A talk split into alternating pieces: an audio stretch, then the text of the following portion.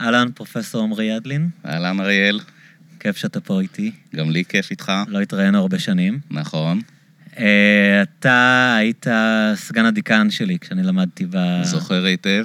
בפקולטה, אה, לא נגיד בדיוק לפני כמה שנים, סתם, לפני אה, יותר מעשור. נכון. לפני שעשית את שינוי הקריירה הגדול. כן. לא, זה היה תהליך, אבל כן. כן. כן, זה בטח הרבה...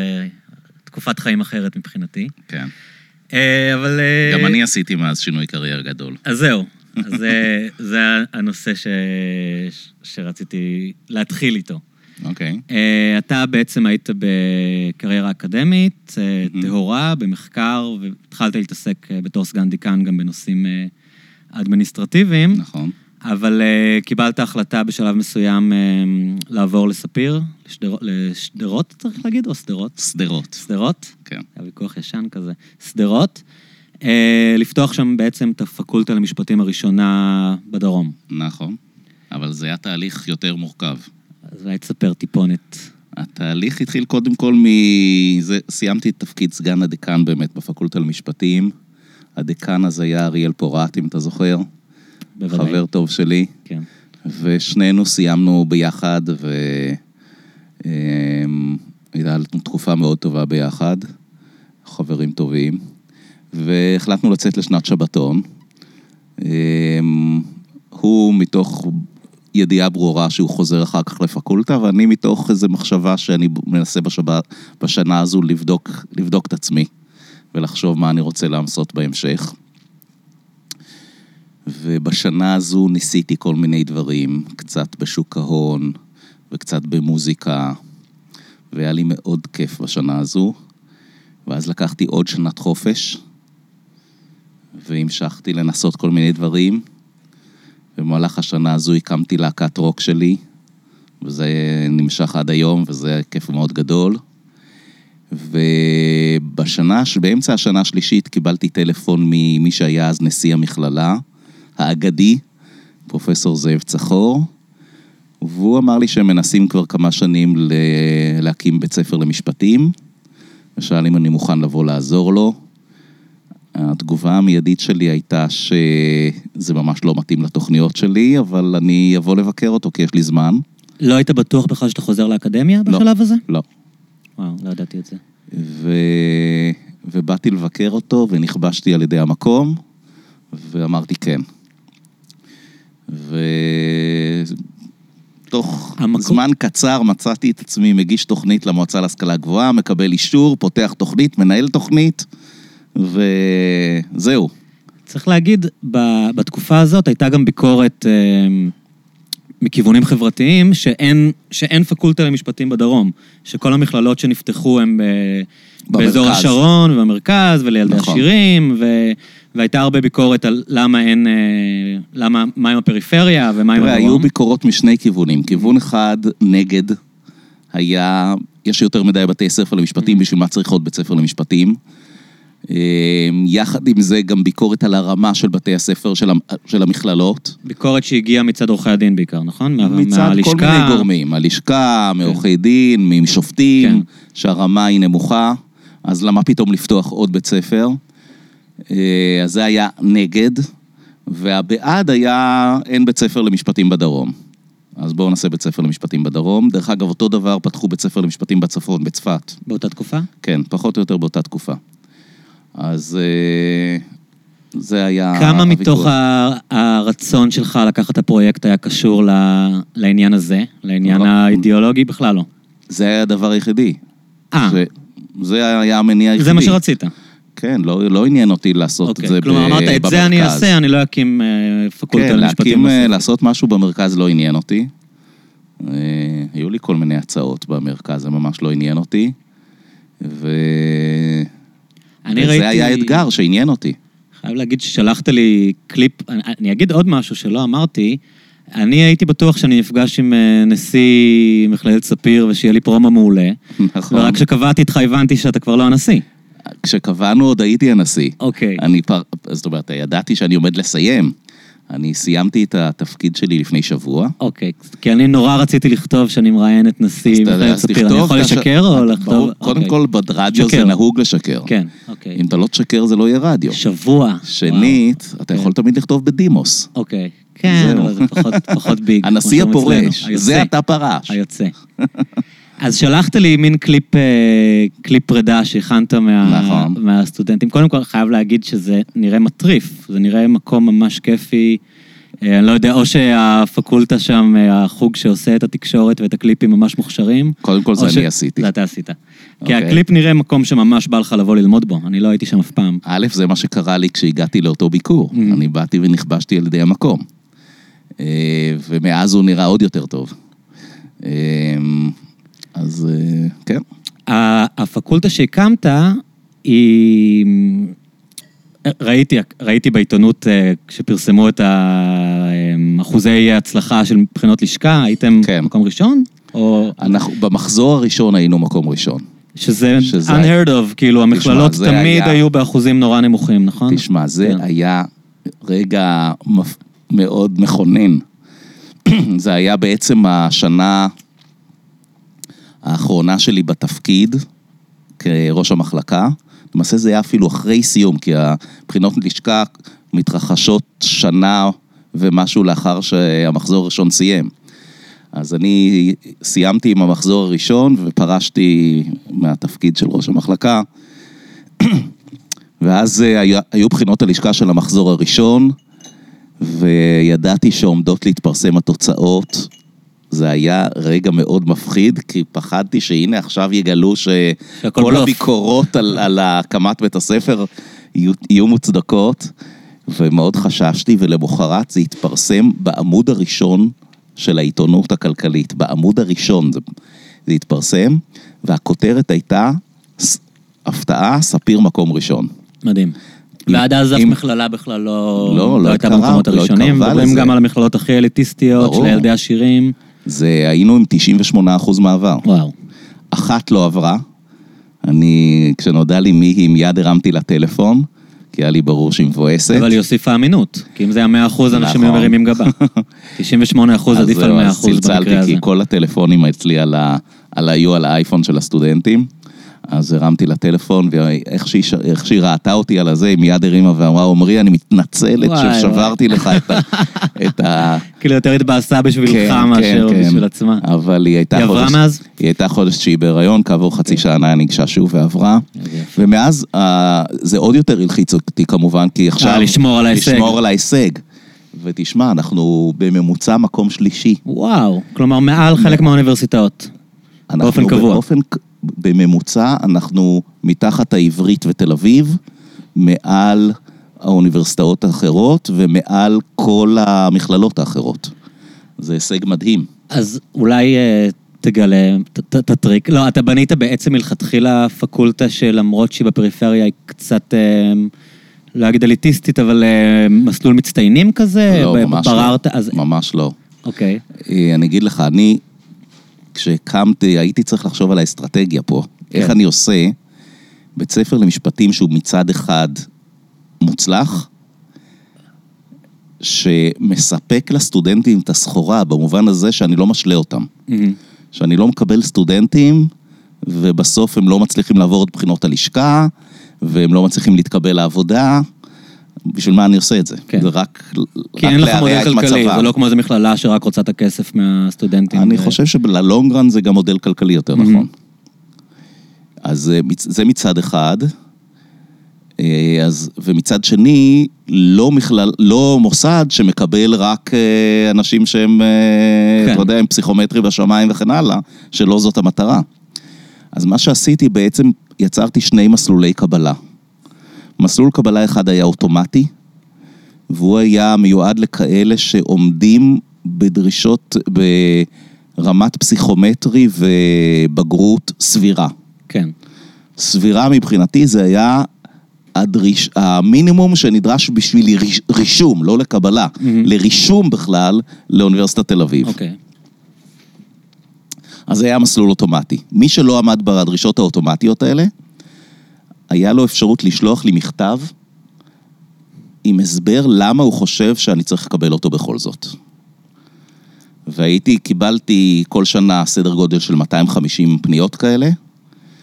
אה, אחרי סינון ראשוני, הזמנתי לראיון סדר גודל של 120 איש כאלה, וקיבלתי בערך 40 כאלה.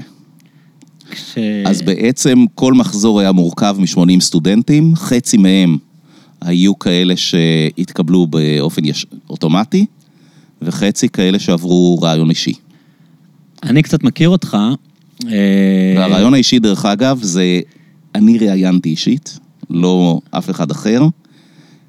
אמ, הרעיון היה מבוסס על זה שהסטודנט היה, המועמד או המועמדת, נדרשו לקרוא קטע של איזשהו פילוסוף, לענות בכתב על ארבע שאלות, היה להם חצי שעה לענות על ארבע שאלות, על הקטע הזה, ואחרי זה שוחחנו על זה חצי שעה.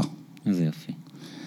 ומי שעמד ברעיון הזה, אני האמנתי שהוא יהיה עורך דין טוב, וזה הוכיח את עצמו. זאת אומרת, כשבדקתי את זה בדיעבד, אלה שעברו את הרעיון האישי, היו יותר מוצלחים מאלה שהתקבלו על סמך הפסיכומטרי והבגרות. אה, אני, אני חושב על שלב המכתב, כי אני קצת מכיר אותך, אמרתי, אה, וזה מה שאני מאוד זוכר מהכהונה שלך כסגן הדיקן שלנו, שהיית בן אדם עם רגישות מאוד גבוהה לבולשיט, ומאוד יודע מתי אה, מחרטטים אותו, וגם בן אדם שמאוד מעריך אינדיבידואליזם. אז אני מנסה לחשוב, כאילו, במכתבים ששלחו לך, אה, בטח אה, לאו דווקא לקחת את המכתבים שהאנשים שכתבו אותם חשבו שאלה הדברים הנכונים לכתוב. כאילו, בטח אה, לא הלכת לפי הקלישאות, אה, ההסברים הרגילים, אלא ניסית למצוא את האנשים שאולי יש להם ערך מוסף, שהם יכולים להיות מעניינים. תראה, אני אגיד לך, יש, היו שני סוגים של אה, מכתבים בדרך כלל. כן.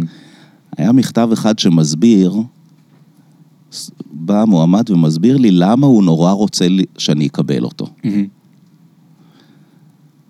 במקום לחשוב, המועמד כזה צריך לחשוב למה אני צריך לרצות לקבל אותו, כן. אותך, ולא למה אתה רוצה להתקבל. הרי כן. אתה צריך לשכנע אותי שאני אקבל אותך, אז למה אתה מנסה להסביר לי למה אתה רוצה להתקבל? אה, אז היה אה, סיפורים אישיים מזעזעים, וכמה היה- קשה לי, ו...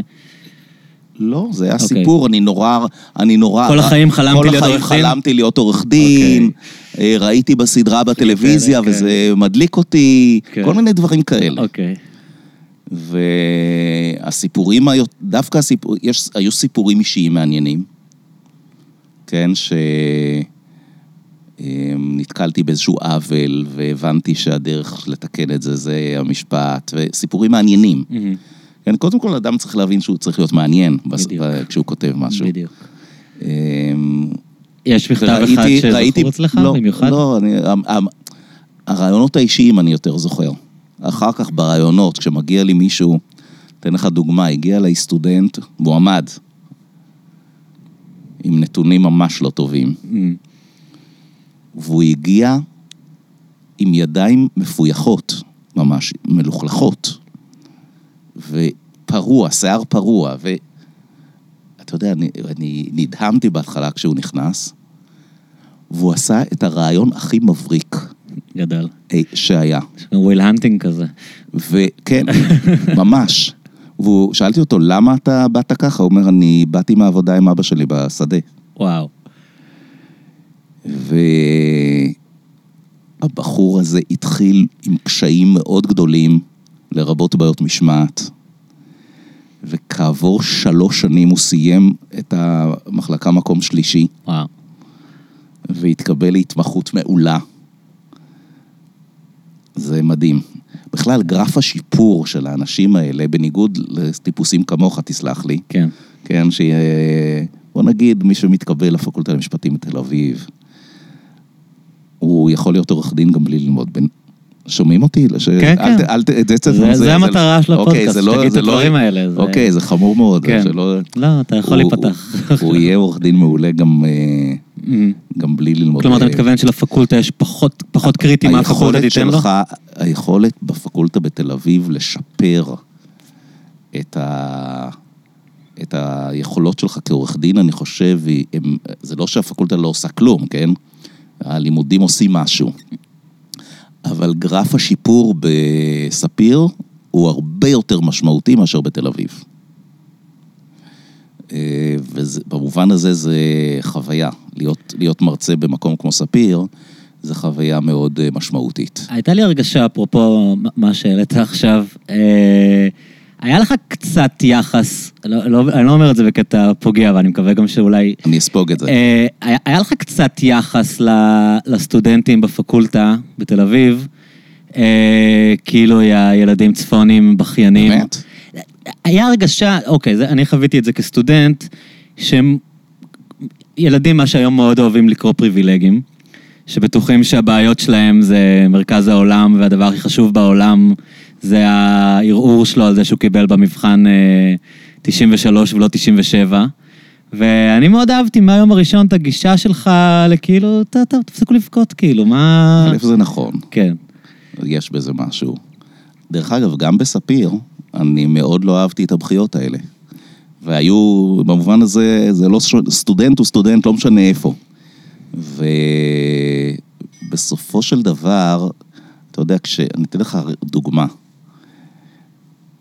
אני, אם בא אליי סטודנט, אני אתן את הדוגמה הקיצונית. כשהייתי סגן דקן בפקולטה למשפטים בתל אביב, אני מקבל טלפון מאימא של סטודנט. וואו. למה שלא תעגל לסטודנט, לבן שלה, את הציון הממוצע הכללי מ-84.8 ל-85 כדי שהוא יהיה מצטיין. כן. אומרת, זה, זה כל כך קרוב, למה לא זה? אז אני אומר לה, תראי, אבל אם, אם אני אעשה את זה ב-84.8, אז צריך גם ב-84.7, וכן הלאה וכן הלאה, וזה כמובן יורד עד 60 אה, ומטה, עד 0. והבכיות על הדברים האלה, זה, אני מודה שזה אה, קצת... אה, הרתיע אותך. כן, לא עשה לי טוב. אמ, אחרי שסיימת את הקדנציה כ... כדיקן הפקולטה והקמת את הפקולטה בעצם שעמדה על הרגליים, אה, מונית שם להיות נשיא. למעשה אני, אה, אחרי שסיימתי את התקופה כראש המחלקה, זה נקרא מחלקה, מחלקה. למשפטים, חזרתי לתל אביב לשנה, כי בכל אותה תקופה הייתי בחופשה ללא תשלום. Mm-hmm. ושברתי יציא חופשה ללא תשלום באוניברסיטת תל אביב, ואז אמרו לי לחזור. אה, כי מעולם לא עזבת את הפקולטה בכלל. בדיוק. Mm-hmm. ואחרי, בשנה שחזרתי, התפטר הנשיא הקודם, אחרי תקופה די קצרה, ואז אה, קראו לי בעצם לחזור... כמו איזה קאובוי, אתה לא רוצה את כן. הבן אדם שצריך, לא, לא רוצה את המשימה בכלל. אה, כן, זו משימה לא פשוטה. כן. ואז קראו לי לחזור לתפקיד הזה, ואז בעצם בשביל התפקיד הזה הייתי צריך כבר להתפטר מאוניברסיטת תל אביב. ואז התפטרתי מאוניברסיטת תל אביב ולקחתי על עצמי את תפקיד הנשיא. ובעצם הייתי בתפקיד הזה אה, יותר מחמש שנים. אז בוא נדבר באמת על, ה... על הטירוף הזה של מכללה, זאת אומרת, בטח נושא שמדברים איתך עליו תמיד, אבל אין בעולם מכללה שכשבונים בה מחלקה חושבים על שטח מיגון, ולוקחים את הטילים עליה כמשהו מובן מאליו, שיודעים שהוא קיים, זה לא איזה תסריט אפוקליפטי, אלא פותחים את השנת לימוד ויודעים שיפלו טילים, או שלפחות כן. יהיו, יהיה צבע אדום וצריך... א', כשבנו את המכללה, לא בנו אותה עם מיגון. אוקיי. זה דבר שהוסף בשלב מאוחר יותר. אמ, ואנחנו מאוד משתדלים לקיים את הלימודים בכל מזג אוויר ובכל מצב ביטחוני, אלא אם פיקוד העורף מורה לנו אחרת. Mm, כלומר, אתם לא מגדילים ראש כמו ראשי עיר פופוליסטים לא. שמחליטים שהם לא שולחים את הילדים לבית לא, ספר. לא, לא, לא. אנחנו ממש משתדלים מאוד. היה מקרה אחד שאני זוכר שהחלטנו להודיע על אה, שלא מקיימים לימודים, לפני שפיקוד העורף הודיע על סגירה, וכי היה לנו ברור שהוא יודיע ורצינו להוד... שהסטודנטים ידעו ויתכננו בהתאם, ובאמת כעבור חצי שעה פיקוד העורף אה, הודיע על סגירה. אבל באופן עקרוני אנחנו מאוד מיושרים אה, היינו עם פיקוד העורף. אה, זה לא תמיד היה פשוט, אני יכול להגיד לך שבצוק איתן, זה היה... אני, זה היה זמן מאוד קצר אחרי שמוניתי לתפקיד הנשיא. אני קיבלתי מאות טלפונים מסטוד... מהורים של סטודנטים. כי לסטודנטים אנחנו יצרנו את כל האפשרויות. אתם רוצים לבוא ללמוד בכיתה, תבואו. אתם לא רוצים, תלמדו מרחוק. אה, אתם לא רוצים, תדחו בכלל את הלימודים לסמסטר הבא. נתנו את כל האופציות, אבל היו סטודנטים שרצו לבוא לכיתה וללמוד. והיו איתי מקבל טלפונים מהורים שהתחננו שאני אסגור את, המכללה, ושאני אעביר את הלימודים לתל אביב. ואני אמרתי, זה לא התפקיד שלנו, התפקיד שלנו זה להיות איפה שאני, בשביל זה, אם אני מעביר את הלימודים בתל אביב, באותה מידה אפשר לסגור את המכללה. אה, התפקיד שלנו זה להיות שם, וזה חלק מהחוסן של המקום הזה. ועצם זה שאנשים יודעים שמכללת ספיר ממשיכה לתפקד, זה חלק חשוב מהחוסן של כל האזור הזה של עוטף עזה. אה, ולכן אנחנו נמשיך לקיים את הלימודים, ואם הבת שלך לא רוצה לבוא, אז ש... שלא תבוא, אנחנו מאפשרים לה. ואותה אימא אמרה לי, אבל הבת שלי נורא רוצה לבוא. אמרתי, אוקיי, אז היא ילדה גדולה והיא מחליטה. אז הנושא הזה של אה, הורים שציינת גם בתל אביב וגם בשדרות ש... שפונים אליך ומדברים איתך, זה קצת אה, פותח לי נושא אחר שרציתי לדבר איתך עליו, שזה הנושא החביב אה, והפופולרי של מילניאלס. כן. אה, כי אתה בעצם אה, באקדמיה כבר הרבה שנים. נכון. אה, ועברת דרך מה שאוהבים לקרוא ג'נקס, דרך סטודנטים שהם ילידי שנות ה-70, שנות ה-80 המוקדמות, שהם, בוא נגיד כן, פחות... אני התחלתי ללמד ב-94. אוקיי, אז ילידי שנות ה-70 גם היו לך. כן. כן. שהם נחשבים דור איקס קלאסי. Mm-hmm. והגעת עד, עד היום ממש אה, עם ילדים שקוראים להם מילניאלס. אוקיי. Okay. אמ, כמה אתה מרגיש שה, שההגדרות האלה הן נכונות, שהילדים היום הם יותר רגישים? אני רגע עובר uh, במעבר חד. אתה ראית, עקבת אחרי כל הסיפור הזה עם רנן שור? בסם שפיגל, מה שקרה עכשיו? אני עקבתי בעיתונות, אבל אני יודע שיש איזושהי הקלטה. בדיוק. שאותה לא שמעתי. אוקיי. Okay. אז זה מאוד מעניין מה שאמרת על כן. ההקלטה, כי זה, זה בעצם... ש... אבל אמרו לי שאני צריך לשמוע. אתה חייב לשמוע את ההקלטה, אני אספר אה, אולי קצת למי שבכלל לא, לא מכיר את הסיפור הזה. רנן שור, אה, קולנוען אה, מיתולוגי במונחים ישראלים, עשה כאן פרויקט שהיה אמור אולי לקבל עליו פרס ישראל יום אחד, של לפתוח בית קולנוע בירושלים. ברמה בינלאומית. בית ספר לקולנוע. בית ספר לקולנוע. אה, כן, אני לא מרוכז. בית ספר לקולנוע בירושלים, שנבחר לא פעם לבית ספר הכי טוב בעולם, או בכל הרשימות. סם שפיגל. סם שפיגל. אה, כמה מהקולנוענים האהובים עליכם אה, למדו שם וזכו בפרסים. באמת פרויקט שאין הרבה מקבילות לו, והוא באמת פרויקט של איש אחד. כלומר, זה, הוא עשה הכל שם מאלף עד תו, מלהרים את התרומות, ל, ללמד, לבחור את ההוראה, ללעבוד אישית עם כל, עם, הכל, עם כל הקולנוענים, אבל הוא בן אדם מזמנו, אה, מתקופה שבמאי קולנוע צועק, אה, מאוד תובעני לסטודנטים והצליח לייצר סטודנטים מדהימים. אה, ניר ברגמן, אני לא, לא זוכר את כל השמות עכשיו, אבל חיפוש קל בגוגל. בהחלט. חלק ניכר מהקולנוענים הבולטים היום בישראל. ובאמת העיתונות או הברנג'ה רעדה שהיה התארגנות של סטודנטים נגדו. על אה, יחס משפיל לסטודנטים, שכלל הקלטה שבה הוא אה, צועק במה שהוגדר כתקרית אלימה על אחת הסטודנטיות, וזה הוביל לזה שהוא בעצם אה, הודח או אולץ להתפטר מהבית ספר ש... שהוא מפעל חייו. ואני שמעתי את ההקלטה אחרי ששמעתי את כל ה... ומה חשבת? חשבתי שאין שם שום דבר אלים. Mm-hmm.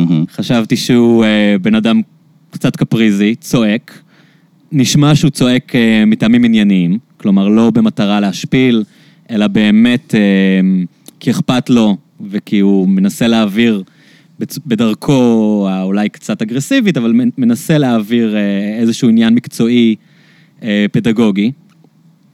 והתגובה הייתה תגובה שהיא, שנתקלים בה היום בכל העולם האקדמי בעולם. יש הרבה תקריות בארצות הברית, אני לא, לא רוצה לחפור כאן יותר מדי, אולי אני אספר אותם אחר כך. של בעצם אה, דור חדש של אנשים עם, עם רמת רגישות מאוד שונה כן. ממה שפרופסורים בכל העולם, ו, ו, ומן הסתם גם הוא, נתקלו בה. כלומר, מה שעבד לו במשך אה, עשרות שנים בבית ספר, והיה נראה לו מאוד הגיוני לצעוק על התלמיד, והתלמיד מבין. אגב, אותם קולנוענים אחרי זה פרסמו מכתב תמיכה בו, ואמרו, כן, הוא היה תובעני, כן, הוא צעק עלינו, אבל קיבלנו מזה הרבה, וזה הבן. אדם, ואנחנו אוהבים אותו. כן. אבל נראה שמה שעבד לו במשך עשרות שנים, לא, לא עובר ב-2019. כן. אה, רציתי לשאול אותך כמה אתה נתקל בזה, בחילופי דורות האלה, בזה שיש דור היום של אנשים עם רמת רגישות שונה לגמרי. א', זה ברור שזה נכון. אה, זה תקופה אחרת, וחל שינוי תרבותי. אני חושב שזה שינוי תרבותי מבורך. זה לא אומר, דרך אגב, שה... שהתוצאה צריכה להיות שרנן שור יצטרך לעזוב את בית הספר, ממש לא. כי אני חושב שיש... זה... אתה יודע, אני אתן לזה רגע דוגמה אחרת, כן. מכיוון אחר. אמ, כשהגעתי לארצות הברית, לדוקטורט, בברקלי עשית? כן, מהמם. לקח לי הרבה מאוד זמן להבין את הקודים של השפה.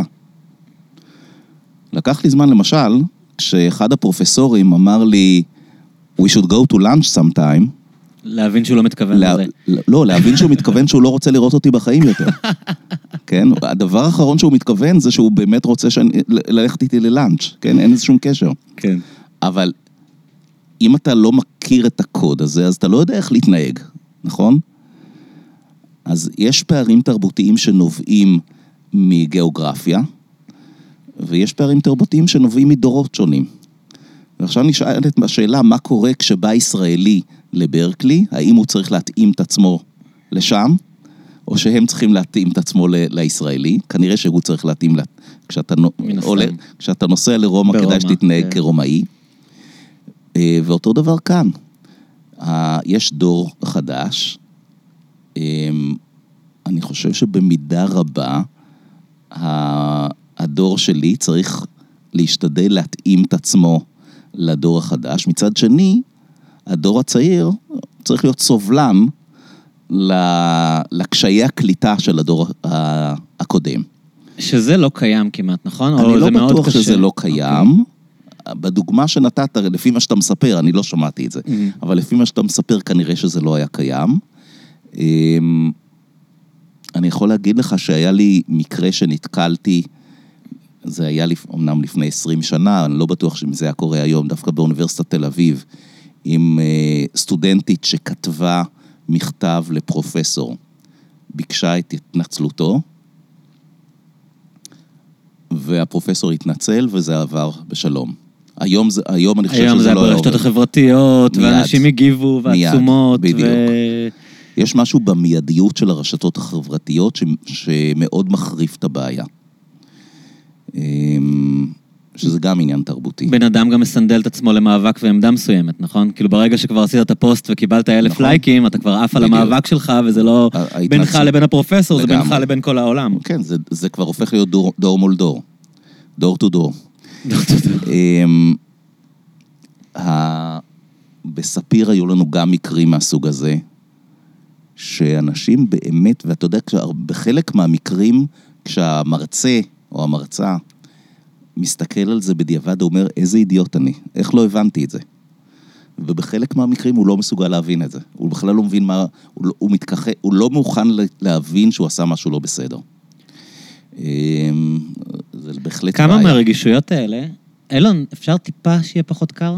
אני, אני קצת קר לי. כמה מהרגישויות האלה... הנה גם- הרגישות שלך. כן, בדיוק. אבל אני עוד לא הבנתי אם אני מילניאל או ג'נקס. נולדתי, אומרים שמילניאל זה מתחיל באחד, ל- ראשון לראשון 81, ואני נולדתי חודש וחצי לפני. וואלה. אז אני אה, ממש על התפר. אה, יש גם הרבה רגישויות חברתיות, נכון? כלומר, אה, בנושאים של פמיניזם, בנושאים אה, ברור. ש... רואים הרבה מחקרים על באמת. ה... זה יותר דברים אמריקאים, אבל החוסר אה, סובלנות לבדיחות שהן לא פוליטיקלי קורקט, למשהו שגורם לב... בוא אני אגיד לך, כן. קודם כל, המתחים במכללת ספיר הם שונים מהמתחים באוניברסיטת תל אביב. מהמם. באוניברסיטת תל אביב זה הרבה מאוד על הרקע של, ה- נקרא לזה, המגדרי. כן. במכללת ספיר זה, זה גם קיים, אבל פחות. הרבה יותר קיים על הרקע הפוליטי של ימין-שמאל. מהמם. אה, מכללת ספיר אה, מאופיינת כמכללה ש... בוא נגיד ככה, בקרב הסגל ההוראה, אה, נוטה שמאלה, אפשר נוטה להניח? שמאלה, כמו ברוב כן. המוסדות האקדמיים, או מרכז, הייתי אומר, מרכז אוקיי. שמאל. שוב, זה, בוא נגיד ככה, זה, זאת התדמית לפחות. כן. ובקרב הסטודנטים זה מרכז ימין. מהמם. ועל על הרקע הזה יש הרבה מתחים. והסביבה היא יח- יחסית ימנית. אה, לפחות העיר שדרות היא ימנית. אה, ברובה. אז על הרקע הזה יש מתחים. למשל, יש טענות של סטודנטים, איך אני, איך אני כנשיא המכללה מאפשר שמרצה מסוים ילמד במכללה כאשר הוא חתום על איזושהי עצומה כזו וכזו שנחשבת שמאל. ואני אומר תמיד, כל עוד הוא לא עשה משהו במסגרת השיעור, הוא חופשי להתבטא באופן חופשי, גם במסגרת השיעור, אם זה קשור לשיעור, אז הוא יכול להגיד מה שהוא רוצה. אמ, אני מאוד הייתי אנטי מרצים שמנצלים את הבמה ואת הכוח שלהם בשביל להשמיע עמדות פוליטיות שאין להם שום קשר לשיעור, כן? אבל כל עוד זה רלוונטי לשיעור, וסטודנטים הם מספיק אינטליגנטים בשביל לנהל ויכוח, וזה טוב שיתנהל ויכוח כזה, אז אה, חופש הביטוי הוא מאוד אה, כמעט קדוש. אה, אבל היו על הרקע הזה, היו הרבה מתחים במכללה, אני אתן לך דוגמה, מתח מאוד שככה התפרסם במדיה. הייתה לנו תערוכה, יש לנו גלריה לאומנות בתוך המכללה, ועשינו, הייתה תערוכה של בית הספר לאומנות, שנקראה כוחה של מילה. מהמם. ובתערוכה היו כל מיני מיצגים שקשורים במילה, בכוח של מילה, והיו אומנים דווקא מכל הקשת הפוליטית, כולל אה, מימין ומשמאל, והיה מיצג אחד שאני לא יכול, אני היום לא יודע להגיד מה העמדה הפוליטית של האומן, ובטח לא של היצירה הזו. אבל ה... המיצג היה של חמסה, צבעונית כזאת, שעליה כתוב, ב... כתוב איטבח אל יהוד. עכשיו תגיד לי אתה, מה לדעתך העמדה הפוליטית של האומן? אין לי מושג. לא- גם לא מבין את האמ- את האמיר- לא מבין את האמירה בשום רמה. כאילו, אוקיי. אני מבין שזה יכול להיראות מגניב למישהו, ברגע שאמרת לי חמסה הבנתי שיהיה על זה כיתוב בערבית, אבל לא לא הבנתי שיהיה כתוב יטבח אל יהוד על זה. כן. אבל אפשר לקחת את זה לכל כיוון, אני מניח. אפשר לקחת את זה לכל כיוון. כן. כן, אני, אני לקחתי את זה לכיוון של האומן מלגלג על, על, על אלה שקוראים לאיטבח אל יהוד. אה, בשם, אה, ש- כשהם באים מ, מ, בשם איזושהי דת שהיא דת ש, של, של, לפחות יכול, אפשר לפרש אותה כדת של, אה, של סמלים, שהם סמלים של שלום, מהמם. כמו חמסה. כן. שזה סמל מוסלמי במקור, צריך בדיוק. להגיד. כאילו, אז, כן. אז יש פה, אפשר לפרש את זה כמובן, אני, לא- אני לא חושב שזה, אני לא חושב שאף אחד לא יכול לחשוב שאומן יהודי באמת ירצה... לטבוח לקרוא- ביהודים. לטבוח ביהודים, זה לא אמיתי. אבל היו אנשים שפרשו את זה בצורה מאוד ליטרלי, והיו הפגנות זעם נגד התערוכה הזאת. וואו. אני קיבלתי אלפי מיילים. אלפי. אלפי מיילים, כולל מפוליטיקאים, בלי לציין שמות למה עכשיו. בלי? פוליטיקאים מהימין. לא, אבל למה בלי שמות? זה לא טוב, רלוונטי. אוקיי. אמ, ועשינו על זה סימפוזיונים במכללה.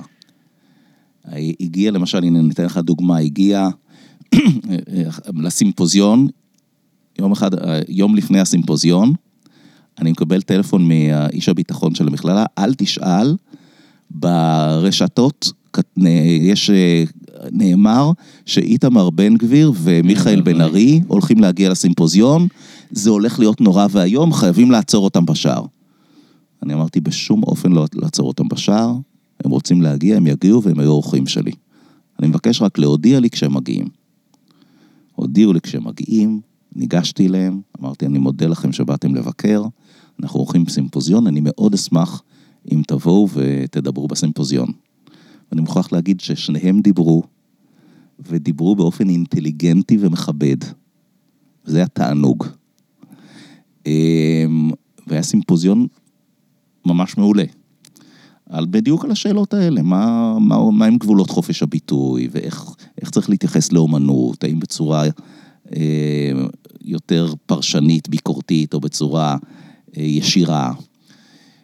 אה, אחרי כמה ימים שהתערוכה הזו הייתה בעבר, ככה באוויר, אחד הסטודנטים שהוליכו את הקו המיליטנטי נגד, ניגש לחמסה הזו ושבר אותה. וואו. כמו את לוחות הברית. הוא לא הבין את המסר של החופש ביטוי. אני לא יודע אם הוא לא הבין, אבל הוא רצה למסור לא מסר הפוך. Mm, זה גם אמנות. או. כן. וכאן הגיעה אליי עכשיו מתקפה מהצד השני. מה עם החופש ביטוי שזה ששבר? חיימיד להעמיד אותו לדין משמעתי. ואני קראתי לו לשיחה, ואחרי זה הוצאתי הודעה שאני החלטתי שמה שהוא עשה זה אקט של ביטוי. זה יופי. שזה ויכוח, אתה יודע, ויכוח משפטי. עתיק. עם שריפת הדגל, אם זה, אם זה מעשה או שזה ביטוי. ואני החלטתי שזה ביטוי, והחלטתי לא להעמיד אותו לדין משמעתי. שוב, היה על זה ויכוחים אין סוף, אבל הפרשה הזו אה, הסתיימה באקורד הזה. אה, אז סביב הדבר, עכשיו, כל זה צריך להבין, קורה כאשר ברקע יש טילים וואו. ומתח, וזה מאוד לא פשוט. אה, ואני חושב שנשיא אחר יכול היה לקחת כיוון אחר, וזה גם היה בסדר. אמ, לדעתי זה ממש מגניב איך ניצלת את המשבר הזה. זה היה אירוע מאוד משמעותי. ואם תשים אם, אם ראית את הקליפ, אז בקליפ האירוע הזה מקבל ביטוי. עכשיו כשאתה אומר, אז אני מתחיל להיזכר. כן. כן. יש גם uh, סטודנטים מהפזורה הבדואית בספיר? ודאי, ודאי. יש לנו כ-500 סטודנטים בדואים. אני חושב שזו המכללה עם הכי הרבה סטודנטים בדואים, עם המוסד, המוסד האקדמי, אני חושב, עם הכי הרבה. אני חושב שלנו, לבן גוריון ולאחווה, יש אה, מספרים דומים. אני, אם לא טועה, אולי אנחנו קצת יותר. אה, יש לנו תוכנית, אנחנו יצרנו לפני כמה שנים תוכנית מיוחדת לקליטת סטודנטים בדואים. צריך להבין, הסטודנטים הבדואים, מרביתם, לא כולם, אבל יש סטודנטים בדואים שבאו בעצם, כאלה שגדלו בבאר שבע, ובעצם גדלו בבתי ספר אה, ממלכתיים mm-hmm. רגילים, והם מגיעים אלינו והם שווים לכל סטודנט אחר. רוב הסטודנטים כאלה שבאים מערים בדואיות או מכפרים לא מוכרים וכן הלאה, הם באים עם פער, קודם כל שפתי מאוד גדול. הרמת, רמת העברית שלהם מאוד נמוכה. אני פעם שאלתי מרצה אצלנו, מרצה בדואי, איך זה קורה? אז הוא אומר לי, תשמע, אני גדלתי על טלוויזיה בעברית. הילדים היום גדלים על טלוויזיה בערבית, הם לא נגישים לעברית. זה גם קורה באמריקה עם הספרדים אה, שהם רואים טלוויזיה במקסיקו. ולכן הפער של השפה הוא פער עצום. ולכן אנחנו יצרנו בעצם תוכנית מיוחדת שבשלב, אה, בהתחלה על חשבון המכללה, ובשלב מאוחר יותר, המועצה להשכלה גבוהה כשהיא הבינה את הבעיה, והבינה שיש, הבעיה היא קשה עד כדי כך ש-1,500 סטודנטים בדואים לומדים בחברון. זה המון. כן. והמועצה... הם לומדים בירדן, לא? או שזה פחות כן, בדואים. אבל הרוב לומדים כן. בחברון. אמ, כי זה בערבית, זה בשישי שבת, זה קרוב אליהם. אמ, אז המועצה להשכלה גבוהה הבינה שהיא צריכה ליצור תוכנית שיותר אה, תהיה נגישה אליהם, והיא חיפשה במוסדות האקדמיים השונים תוכנית כזו, והיא בחרה בתוכנית שלנו, ובעצם אה, זה אפשר לנו אה, לממן תוכנית יותר גדולה. ואחרי שלוש שנים שהרצנו את זה כתוכנית פיילוט שלנו, אה, המועצה להשכלה גבוהה אפשרה בעצם גם למוסדות אקדמיים אחרים לפתוח תוכנית דומה, והיום זה בכל המוסדות האקדמיים בדרום. איך כנשיא, בתקופה שיש עימותים ביטחוניים, בתקופה שיש אה, גזענות משתוללת במדינה וביטויים מאוד חריפים מכל הכיוונים ו... ויש מין גלים כאלה של לאומנות, איך, אה, איך, איך אתה גורם ל... לסטודנטים בדואים בכלל להרגיש בנוח לבוא למכללה כש... בתקופות uh, מתוחות כאלה? לא יודע אם יש לך תשובה לשאלה הזאת, סתם חשבתי על בעיה. אני חושב שזה. לא פשוט בכלל. כן. קודם כל זה יחס אישי לסטודנטים האלה. ויחס אישי זה אומר שאנחנו בונים מערכת של אה, אדמיניסטרטיבית ואקדמית של אנשים שהם, שיש להם עניין בזה, שהם רוצים לתת לסטודנטים הבדואים את התחושה הזו. וזה כולל את זה שנשיא המכללה אה, מעורב אישית ומכיר את הסטודנטים הבדואים והם מכירים אותי. וכולל את מספר הטלפון שלי, ואם יש להם בעיה, הם מרגישים חופשי להיכנס למשרד של, שלי ו, ולשטוח את הבעיה, להציג את הבעיה שלהם ול, ולקבל פתרון. אז אה, לגמרי טיפול אישי. אמ, בוא נגיד ככה, כשסיימתי עכשיו את התפקיד שלי, קיבלתי הרבה מכתבים מסטודנטים, אבל הכי הרבה קיבלתי מסטודנטים בדואים. יופי. אה, אני פשוט חושב... אמ, אז זה דבר ראשון. דבר שני,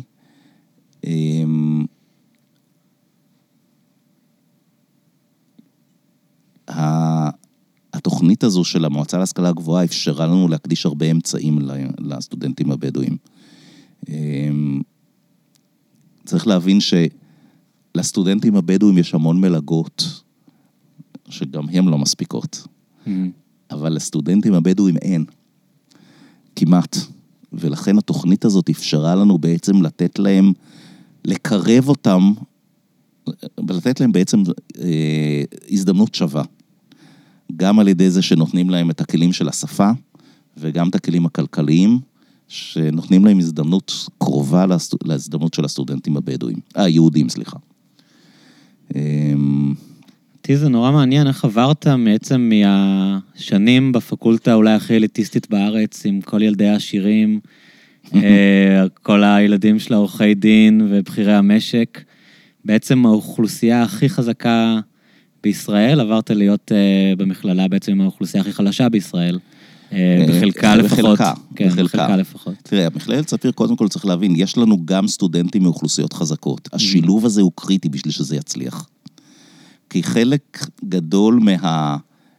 מה שאנחנו מאפשרים, מקנים לסטודנטים שבאים מרקע סוציו-אקונומי יותר חלש, זה המפגש עם הסטודנטים שבאים מרקע סוציו-אקונומי יותר חזק, והמפגש בין שתי האוכלוסיות האלה מפרה מאוד את שתיהן. כן. זה, זה קריטי להצלחה של שתי הקבוצות. כן, אני תמיד אומר לסטודנטים שבאים מרקע סוציו-אקונומי היותר חזק, אנחנו מציעים לכם אקדמיה יותר טובה, כי כאן אתם מכירים את, ה... את העולם האמיתי. את העולם האמיתי. אה, וסטודנטים לקולנוע אצלנו למשל, יש לנו בית ספר, דיברת קודם על כן. סם שפיגל, אנחנו מציעים בית ספר לקולנוע, כמו שאתה יכול להגיד זה על משפטים, אותו דבר על קולנוע. אנחנו מציעים בית ספר לקולנוע אחר, כן? זוכה פרס אופיר האחרון, הוא בוגר שלנו. אז יופי. של ספיר. אה, סאלח פה זה ארץ ישראל, ראית את הסדרה? בוודאי. זה בוגר שלנו. זה, כל הסדרה, אם תסתכל עליה עוד פעם, היא בנויה על אנשים מספיר.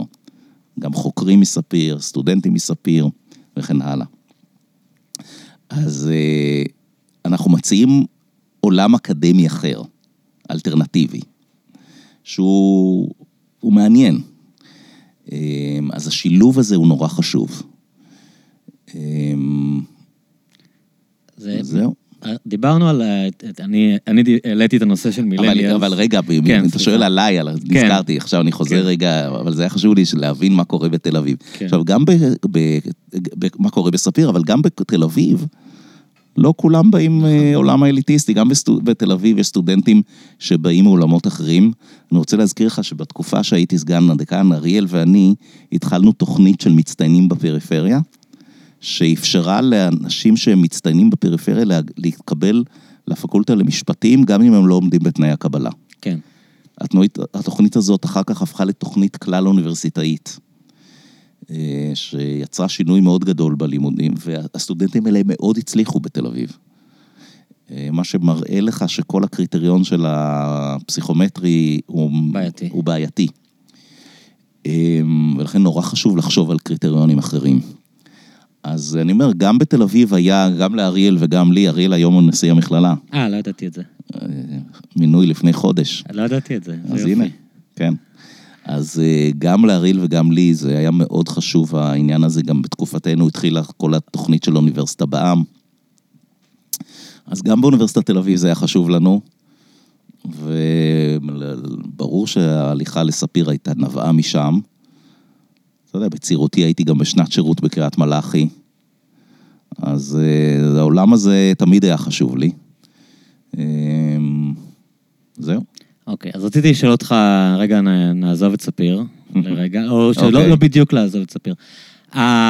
הסטודנטים שלומדים היום, הם הולכים לצאת בעצם ל- לעולם, אפרופו שינויים, נדבר איתך עכשיו גם כ- כאיש אקדמיה, אה, לא רק מ- מנהל ו... כן.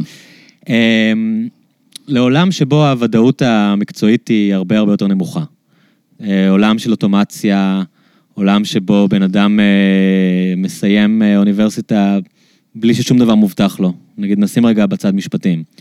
אבל הרבה אנשים מסיימים את ה-BA והם יוצאים לעולם ש... שבו אין, אין ביטחון תעסוקתי, כל, כל הנושאים שאנחנו מכירים מהמחאה החברתית ואילך. אמ, רציתי לשאול אותך, מה הדעה שלך על חלק מהפתרונות שמוצעים היום? יש היום אה, טרנד מאוד גדול אה, בארצות הברית, אה, זאת אומרת, באזי כזה, אני לא יודע כמה הוא באמת רציני, שמדברים על אה, Universal Basic Income. אתה נתקלת בזה? אה, שמדובר בעצם על אה, להבטיח לאנשים סכום כסף מסוים שיקבלו כל חודש כדי לאפשר להם אה, רשת ביטחון אה, ליזום, או מהמם. להתפתח, או ללמוד. כלומר, כל בן אדם, לא משנה מה, היום יש אה, מועמד אה, בפריימריז הדמוקרטיים, שקוראים לו אנדרו יאנג, שהוא מקדם... אה, בארצות הברית. בארצות הברית. שהוא מקדם את הרעיון הזה, שבעצם אומר, המדינה תיתן לכולם כסף, ונמשיך משם. מהמם. אה, אתה בן אדם שגם יודע כלכלה. מהמם. אה, מה אתה חושב על הרעיון הזה? תראה, קודם כל זה, זה המשך של הרעיון של מיסוי פרו- פרוגרסיבי, כן. נכון? אז אה, מיסוי פרוגרסיבי אומר שאתה אה, ממסה יותר את העשירים מאשר את העניים, וזה מביא את זה, ל, ממשיך את זה ואומר, אה, אני עושה גם מיסוי שלילי בעצם, כן? אז אה, לכולם יהיה איזושהי הכנסה מינימלית. א', זה, זה מעניין אם זה יעבוד. זו שאלה בעיניי. אה, השאלה מה תהיה המוטיבציה של אנשים לצאת לעבודה. אה, זה תלוי כמובן, יש, ברמות מסוימות יש את זה, יש ביטוח נגד אבטלה, כן. יש דמי אבטלה, אז אם אתה מובטל, אתה לפחות לתקופה מסוימת אתה, מקבל דמי אבטלה, וזה, השיטה הזו בעצם מציעה דמי אבטלה לנצח. כמה, כמה שאתה רוצה להיות מובטל, תהיה מובטל. לא יודע, זה ניסוי מעניין, שווה לנסות לדעתי. אני פשוט, מה שמפריע לי בתוכנית הזאת, אמ, הפעם הראשונה שנתקלתי בה, אה, נתקלתי שמרק צוקרברג הציג אותה. אה, והוא אמר שלדעתו אה, זה הפתרון, ואנשים צריכים משמעות, והם לא יכולים להיות תלויים רק בעבודת כפיים לא מתגמלת, ואם תיתן להם את, ה... את הכסף אז הם יוכלו להתפתח ולמצות עצמם ו... וכולי. וראיתי את זה מתחיל להגיע ממעגלים כאלה, אבל אז חשבתי שזה בעצם, זה טוב למרק צוקרברג, תוכנית כזאת. זה מאפשר לאנשים יותר כסף לבזבז, זה מאפשר לאנשים ליזום, מה הם יעשו כשהם ייזמו? הם אה, יצטרכו לפרסם את ה-small business שלהם בפייסבוק. ו... אני לא חושב שזאת המוטיבציה שלו. אני חושב שהוא חושב שבעולם שבו, בעולם של תאגידים ענקיים ואנשים אה, קטנים שעובדים בתאגידים הקטנים, זה מאוד פוגע בעתיד העסקי של פייסבוק. כלומר, הוא, הוא מתפרנס מעסקים קטנים. אבל באופן כללי, מה שאני לא כך אוהב בתוכנית הזאת, אה, זה, אתה רוצה לעזור לאנשים, אוקיי, תן להם בריאות, תן להם חינוך. כאילו, כשאתה נותן להם כסף, אתה בעצם מאפשר להם להמשיך לצרוך, וזה משרת את, ה, את התאגידים הגדולים, לעומת, אוקיי, אז בוא גם תשלם להם את האוניברסיטה, אם אתה כל כך רוצה לתת לאנשים אתה יכול להגיד כסף. שגם לצרוך בריאות זה, זה צריכה, לא? כן. מה, למה זה הבדל משמעותי כל כך? לצרוך בריאות, לצרוך אה, חינוך, זה גם צריכה. כי אם אתה תיתן לאנשים מראש את הבריאות והחינוך, אתה תבטיח את זה שהם תדאג לצרכים הבסיסיים שלהם, ולא סתם תיתן להם אלף יורו, שהם יפרקו בקניות באמזון. אוקיי, אתה, זאת אומרת שאתה חושב שכשאנשים יקבלו אלף יורו, אם לא... אוקיי. לא אני, כל האנשים. אני לא בטוח, ש, אני חושב שמי שחושב על השיטה הזו של Universal Income, יש לי הרגשה שהוא חושב גם על ביטוח בריאות חינם, או ביטוח בריאות ממלכתי נקרא לזה, וביטוח אה, וחינוך Mm. חינם. זאת אני תחושתי. לא בטוח מאלה ששמעתי אותם מציגים. אני לא יודע. אולי- אני לא מספיק מכיר את, ה, את האנשים האלה, אז שווה לבדוק את זה. אמ, אבל בהנחה שזה מה ש... אני חושב שמי שמדבר על Universal Income מדבר על, בעצם על זכויות בסיסיות שיינתנו לכולם. כן, זה הזכות לחינוך, הזכות לבריאות והזכות לחיים בכבוד. כן, והחיים בכבוד זה שיהיה לך אלף דולר בחודש. אמ, זה, אני חושב שזאת הפילוסופיה. כן. אמ, איך אתה רואה את העולם? אני, אני, חושב שה, אני חושב שאם אתה מסתכל על, נניח על אנגליה, מהמם. אז באנגליה ברי, יש, יש בריאות חינם, כן. יש אה, חינוך חינם, אין עדיין את האלף דולר האלה, אבל זה, לתת בריאות וחינוך חינם זה צעד מאוד גדול לכיוון הזה. אמ, האלף דולר באמת נועדו לאפשר לך לחיות ללא עבודה. דרך אגב, באנגליה יש הרבה אנשים ש, שמקבלים גם את זה. יש שם, אה, אם אני זוכר נכון, יש שם ביטוח אבטלה מאוד חזק. אמ, וזו שאלה בעיניי אם זה יחזיק מעמד באנגליה. למשל, הבריאות שם... אה, במשבר. הבריאות שם במשבר מאוד גדול. השירותי בריאות מאוד חלשים באנגליה. גם אצלנו מתחיל איזשהו משבר, לא? אצלנו שירותי הבריאות. הרבה הרבה יותר טובים. Mhm. הרבה יותר טובים מאשר באנגליה. זה מניסיון אישי. מהמם. אמ, אז אני לא יודע מה, אני לא יודע מה להגיד לך על זה, אבל אני חושב שהשאלה היותר מעניינת אותי, זה בעולם הזה, מה אנחנו כאקדמיה, מה התפקיד שלנו. מבחינת אה, להכין אנשים לעולם הזה? מבחינת להכין אנשים לעולם הזה. אותי זה, אותי זה יותר מעניין, שזה עולם שבו בן אותי. אדם לא יכול לבנות על קריירה אחת, שהוא יודע שהוא יצטרך לעשות אולי הסבה מקצועית יום אחד. זה עולם שה... זה עולם תעסוקה מאוד משתנה. ש... בוא נגיד ככה, בעבר מקצועות נעלמו. הסייקל של, של מקצועות, זה היה, אחת למאה שנה, היה איזושהי המצאה שיתרה איזשהו מקצוע. היום הסייקל הזה הולך ומתקצר. כן, אתה מסתכל היום על נהגי מוניות, זה די ברור שבעוד כמה שנים לא יהיו נהגי מוניות. כן. עם המון עב- עבודות שהיום קיימות, תחשוב על סוכני ביטוח. עד לפני כמה שנים זה היה מקצוע מאוד מבוקש, הרבה אנשים הלכו ללמוד איך להיות סוכני... זה מקצוע שהולך ונעלם. סוכני נסיעות? סוכני נסיעות. מי, מי משתמש היום בסוכני נסיעות? אלה מקצועות שהולכים ונעלמים, אמ, ואנשים צריכים לחשוב, לדעת איך להתאים את עצמם. אמ, זאת אומרת, סוכן נסיעות בשביל שהוא יישאר במקצוע, או היא, הם צריכים להיות הרבה יותר מתוחכמים, הם צריכים לתת שירות הרבה יותר מתוחכם, מאשר סתם להזמין כרטיסים. כן. אה, ואלה שמצליחים לעשות את זה, הם מרוויחים ומרוויחים אפילו יותר כנראה. אמ, אז האקדמיה צריכה להקנות לאנשים את היכולת להיות גמישים. אמ, הרבה יותר יזמיים, הרבה יותר חדשניים, הרבה יותר בעלי יכולת ללמוד מחדש, להתחדש, לחדש את עצמם. אה, זה עולם אקדמי הרבה יותר מעניין בעיניי, שהוא מקנה לאנשים כלים יותר כן, מורכבים ויותר... יותר מורכבים. כי באמת ו- יש אה, שתי, שתי דרכים שאנשים מתארים את העתיד שאנחנו הולכים אליו. יש את האנשים הפסימיסטים שאומרים, אוטומציה הולכת להשתלט על הכל, אינטליגנציה מלאכותית הולכת לייתר את כל המקצועות, עוד מעט לא נצטרך רואי חשבון. אני מדבר בכוונה, האלה שלוקחים את זה לקיצון, שעוד מעט לאף אחד לא תהיה עבודה כמעט חוץ מלמתכנתים, ובגלל זה אנחנו חייבים את ה-universal income. מצד שני, יש אנשים שאומרים, כל פעם שיש שינויים טכנולוגיים, אז מומצא, מומצאות uh, עבודות חדשות. אני- יושב איתנו כאן שחף, הוא uh, מנהל סושיאל מדיה. היית אומר לאנשים כאילו, אל תדאג, בעתיד כל האנשים שלא צריך אותם הם יהיו מנהלי סושיאל מדיה. כלומר, אתה בכלל לא יכול לחזות נכון. אה, אנשים הם אינפלואנסרים ב... אינפלואנסרים בפייסבוק, לא יודע, אנשים מהמם. מתפרנסים מדברים באינסטגרם, אנשים מתפרנסים ממקצועות שלא נכון. היית מסוגל לדמיין אותם. נכון. אז מה... אני- ומצד תראה. שני יש אנשים שאומרים, אוקיי, זה תמיד היה ככה, אבל עכשיו האינטליגנציה המלאכותית מגיעה לכזה מקום קיצוני, האוטומציה, ש- שהמשבר הולך להיות טוטאלי. איפה אתה עומד ב- בין ה... בספקטרום הזה, בין הפסימיסטים לאלה שאומרים שיהיה בסדר? אני עם האופטימיים. האופטימיים. הבעיה היא היכולת של הבן אדם to adapt.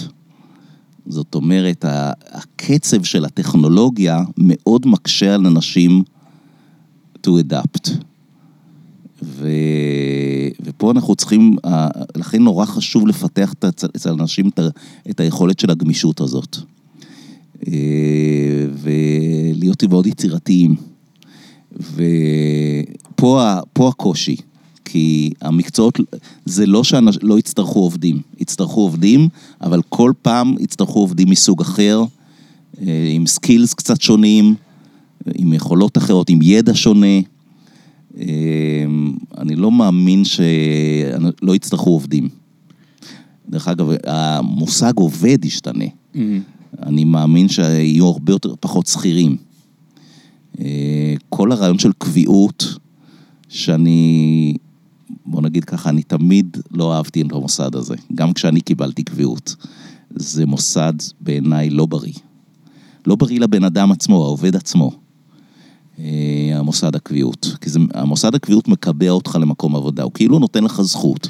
קביעות זה אומר שמאוד קשה לפטר אותך, כן, למי שלא שאי מבין. אפשר אתה לפטר אותך. בפוזיציה מסוימת וזהו, כן. קיבלת את הפוזיציה. עכשיו, מה שקורה ברגע שיש לך קביעות, מה המשמעות? לכאורה זה זכות, אתה רוצה, אתה, אתה רשאי לעזוב, אסור לפטר אותך. ויש לך ביטחון כלכלי לפרנס את המשפחה שלך. אבל מצד שני, בגלל שלכולם יש קביעות, אז אתה גם לא יכול לעבור בקלות ממקום עבודה אחד לשני. Mm. כי בשביל לעבור, קח למשל אוניברסיטאות, בשביל שאני אעבור מאוניברסיטה אחת לאוניברסיטה שנייה, אני צריך שבאוניברסיטה השנייה מישהו יעזוב. כן? Mm. עכשיו, אף אחד לא יעזוב כי יש לו קביעות, מה, הוא השתגע לעזוב? כן. אוקיי? רק משוגע כמוני התפטר מהאוניברסיטה וויתר על הקביעות בשביל לעבור למכללה. אין, זו תופעה מאוד נדירה, כן? אז הרעיון שאתה, אנשים צריכים להבין, המוסד הקביעות הוא מוסד שהוא מאוד מקטין את הנזילות, נקרא לזה, של שוק העבודה, כן? וכמו שהוא מקשה על, עובדי, על מעבידים, הוא גם מקשה על עובדים לעבור. ולכן אני, באופן עקרוני, יש לי, יש לי קושי עם מוסד הקביעות. זה לא שאני בעד שלי לפטר, אני, אני חושב שמעביד לא רוצה סתם, בדרך כלל זה נדיר שמעביד ירצה סתם לפטר. אבל מוסד הקביעות הוא מוסד שתמיד היה לי בעיה, ואני אני לא מאמין שהוא יישאר.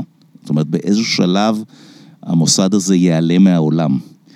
ומה שעוד יותר יצריך, ועכשיו, ואני אומר את זה עכשיו כאמירה פוזיטיבית, לא כנורמטיבית. גם, גם מי שמתנגד, מי שחושב שמוסד הקביעות הוא נורא חשוב, הוא צריך להבין, אני חושב שהמוסד הזה לא יישאר. ואז צריך לחשוב איך אנחנו מכינים את, ה, את הדור הזה לעולם שבו אין לך קביעות. ואתה צריך כל הזמן לחשוב באופן יצירתי איך אתה ממציא את עצמך מחדש. אוקיי, אז אתה דיברת... זה עולם ב- יותר מעניין, עולם מאוד מאתגר, שצריך פשוט להתכונן אליו. השאלה אם בתוך העולם הזה שאתה מתאר, אה, ששמת מאוד דגש על אה, איך האינדיבידואל אה, יכול להכין את עצמו לעולם כזה, אה, מה התפקיד של המדינה בעצם? כלומר, מה, מעבר לזה שאתה אומר לאנשים, אוקיי, זאת, זה העתיד, face it, אה, התפקיד של המדינה- בעול... כן. התפקיד של המדינה הוא קודם כל בחינוך. אמ, אמ, וזה מתחיל מבית ספר יסודי ותיכון, וזה בטח באקדמיה. אני יכול להגיד לך באקדמיה, שאני מסתכל על עצמי מה עשיתי בתקופה הזו שהייתי במכללת ספיר, זה מה שהשתדלתי לעשות. אני אתן לך דוגמה, אני, אחד הדברים הראשונים שאמר, שעשיתי כנשיא המכללה, אני מאוד לחצתי על ראשי המחלקות השונות לאפשר לסטודנטים לקחת קורסים אונליין בהרווארד. בהרווארד, ב-MIT, בכל אחד מהמוסדות האלה, אה, מתוך הבנה, א', שזה ישפר להם את האנגלית באופן דרמטי, שזה skill מאוד חשוב לעולם הזה, וב', שזה נותן להם כלים ללמוד משהו באופן עצמאי. שבעתיד הם יצטרכו לעשות את זה. כן. הדבר השני שעשיתי זה, הקמתי בספיר מר- מר- מרכז יזמות, שבעיניי הוא מהפכה באקדמיה, בכלל ובטח בספיר, שהרעיון של מרכז היזמות זה שהיזמות הופך להיות חלק אינטגרלי מהלימודים האקדמיים בכל אחת מהמחלקות. כל, כל מחלקה למעשה הקימה מרכז יזמות בתוך המחלקה, בתחום שמעניין את המחלקה, נניח במשפטים זה legal tech, והרעיון הוא שסטודנטים יעבדו על פיתוח מיזמים בתחום, סטודנטים ומרצים ביחד ועובדים של המכללה ותושבים מהסביבה, יעבדו על פיתוח סטארט-אפים בתחומים ש... שהמחלקה הספציפית אה, מעוניינת בהם, מעוניינת לפתח. שזה אומר, אתה צריך לחקור, בשביל לפתח סטארט-אפ כזה, אתה צריך לחקור את התחום, להבין את השוק, מה, מה חסר, את הטכנולוגיה הרלוונטית, את הצד הכלכלי של העניין, את הצד המשפטי של העניין. אתה צריך להיות יזם. וזה בעיניי חלק מאוד מרכזי ממה שהלימודים האקדמיים צריכים להקנות לסטודנט, זה את היכולת להבין את העולם בדרך הזו ואיך פותרים את הבעיות. אמ, אז במשפטים זה legal tech, ב... יש מה, מה, בתחום יזמות אחר זה בריאות דיגיטלית, וגיימינג, וחינוך ופסיכולוגיה, וטיפול בנערות בסיכון, קהילה חכמה, קהילה חכמה נקרא לזה. כל אחד מהתחומים האלה, סטודנטים יכולים לבחור איזה תחום שהם רוצים, ולפתח בו את הסטארט-אפ שלו. זה, בעיניי זה כיוון שהוא חיוני לאקדמיה. אבל זה מחייב מהפכה ממש בלימודים. אנחנו בספיר עשינו את הצעד הזה, זה עכשיו אנחנו ממש על סף פריצת דרך בעניין הזה. רציתי לשאול אותך נושא אחר לגמרי. shoot. אנקדוטלי. אה, בגלל שאני מאוד רציני ביחס שלי לפודקאסט, עשיתי תחקיר מעמיק, וקראתי את הערך ויקיפדיה שלך. וואה, כן. אז ראיתי שהתמחית אצל יעקב ויינרוט, נכון? בתור סטאג'ר. כן. אה, אני אה, עשיתי איתו קורס באוניברסיטה, אוקיי. ו... אני צריך לספר לך, זה אחד האנשים שהכי הרשימו אותי, אה, שפגשתי אישית. אוקיי. אה, אמנם הסטודנטים לא יותר מדי עניינו אותו, ולא לא יותר מדי סבלנות לדיונים ושאלות, אבל הרגשת שאתה עומד מול בן אדם מאוד עשיר, שלא צריך לבוא בשש בערב אה, לדבר עם 20 סטודנטים מנומנמים, והוא עושה את זה מאיזושהי תחושת אה, שליחות עמוקה להעביר את, ה, את התפיסת עולם שלו, כן. המאוד ייחודית. אה, בן אדם שהוא מין מופת לאינדיבידואליזם, שזה תכונה שאני גם מזהה ואוהב אצלך. אה, וסתם, רציתי לשאול אותך עכשיו אגב, כשהוא למה אתה, הלך כשאתה לעולמו. אומר אינדיבידואליזם, למה כן. אתה מתכוון? לגביך או לגבי ויינרוט? לגביי. אה, קודם כל, אתה בן אדם שלא כל כך אכפת לו, אה, לדוגמה, סתם בדברים חיצוניים, לא אכפת לו להשתטות. אתה אוקיי. יכול, הברכת פרידה שלך מהמכללה, הייתה אתה שר אה, קליפ אה, הומוריסטי עם מילים שכתבת ל Bohemian Rhapsody, נכון. וזה לא מה- שאת מצפים מנשיא של מכללה. דרך אה, אגב, לא שלח, לא, אתה לא מכיר את הקליפ הקודם שלי, יש לי קליפ קודם של הפרידה שלי מל- מלשכת הדיקן, שלי ושל אריאל. ראיתי אותו. אה, ראית? כן, אוקיי. כן, כן, הכרתי את זה אז עוד זה גם מאז. קיים. הכרתי את זה עוד מאז. זה פעם ראשונה שנתקלתי בזה. כלומר, אוקיי. אתה לא לוקח את עצמך ברצינות יותר מדי, אוקיי. אתה יודע לצחוק על עצמך, אה, אתה עושה דברים בדרך שלך. אני לא מכיר הרבה אנשים שלוקחים אה, שנת שבתון מקביעות באוניברסיטת תל אביב כדי לנגן בלהקת רוק. כן. אה, וגם, אגב, אה, כשאתה שמעת שאני עזבתי את המשפטים ופתחתי בר, התגובה שלך הייתה מדהימה. כאילו, אמרת לי... כן, לא זוכר. איזה, כן, אני אספר, זה היה מה- פחות משמעותי מה בשבילך? מילי. לא, אמרת, איזה כיף לך שאתה הולך להתעסק במוזיקה ולא נקבר שם ב... בעולם המשעמם הזה, לא סתם, אני מכניס לך מילים לפה, אבל שאם לא רצית להיות עורך דין, לא קברת כן. את זה שם מתוך פחד, אלא אתה מתעסק בדברים שאוהבים. כלומר, היה בך משהו, ויש בך משהו שגם מהדברים שאתה מדבר עכשיו. כן. אני לא יודע ש- אם זה אינדיבידואליזם, כי אינדיבידואליזם זה כאילו משהו נגד קהילתיות. אוקיי, אז אני, אני, טובה. אני מאוד מייחס חשיבות לקהילה, מהמם. אבל אני חושב שכל אדם צריך להיות מאוד חופשי לבחור את הקהילה שלו. כן. אתה בחרת קהילה מסוימת שהיא שונה מהקהילה המשפטית, כן. ואני חשבתי שזה מדליק. ושאתה שאתה מרגיש את עצמך משוחרר מהחובה הזאת ללכת בתלם שהלכת בו קודם. אז אולי זה הניסוח. אני אה, מרגיש שגם אתה לא בן אדם שהולך בתלם. גם עכשיו אתה, אתה יודע, אתה כן. בתוך תפקיד נוח, אתה עוזב אותו להרפתקה החדשה. כן. אה, לא בא לך לדבר על ויינרוט.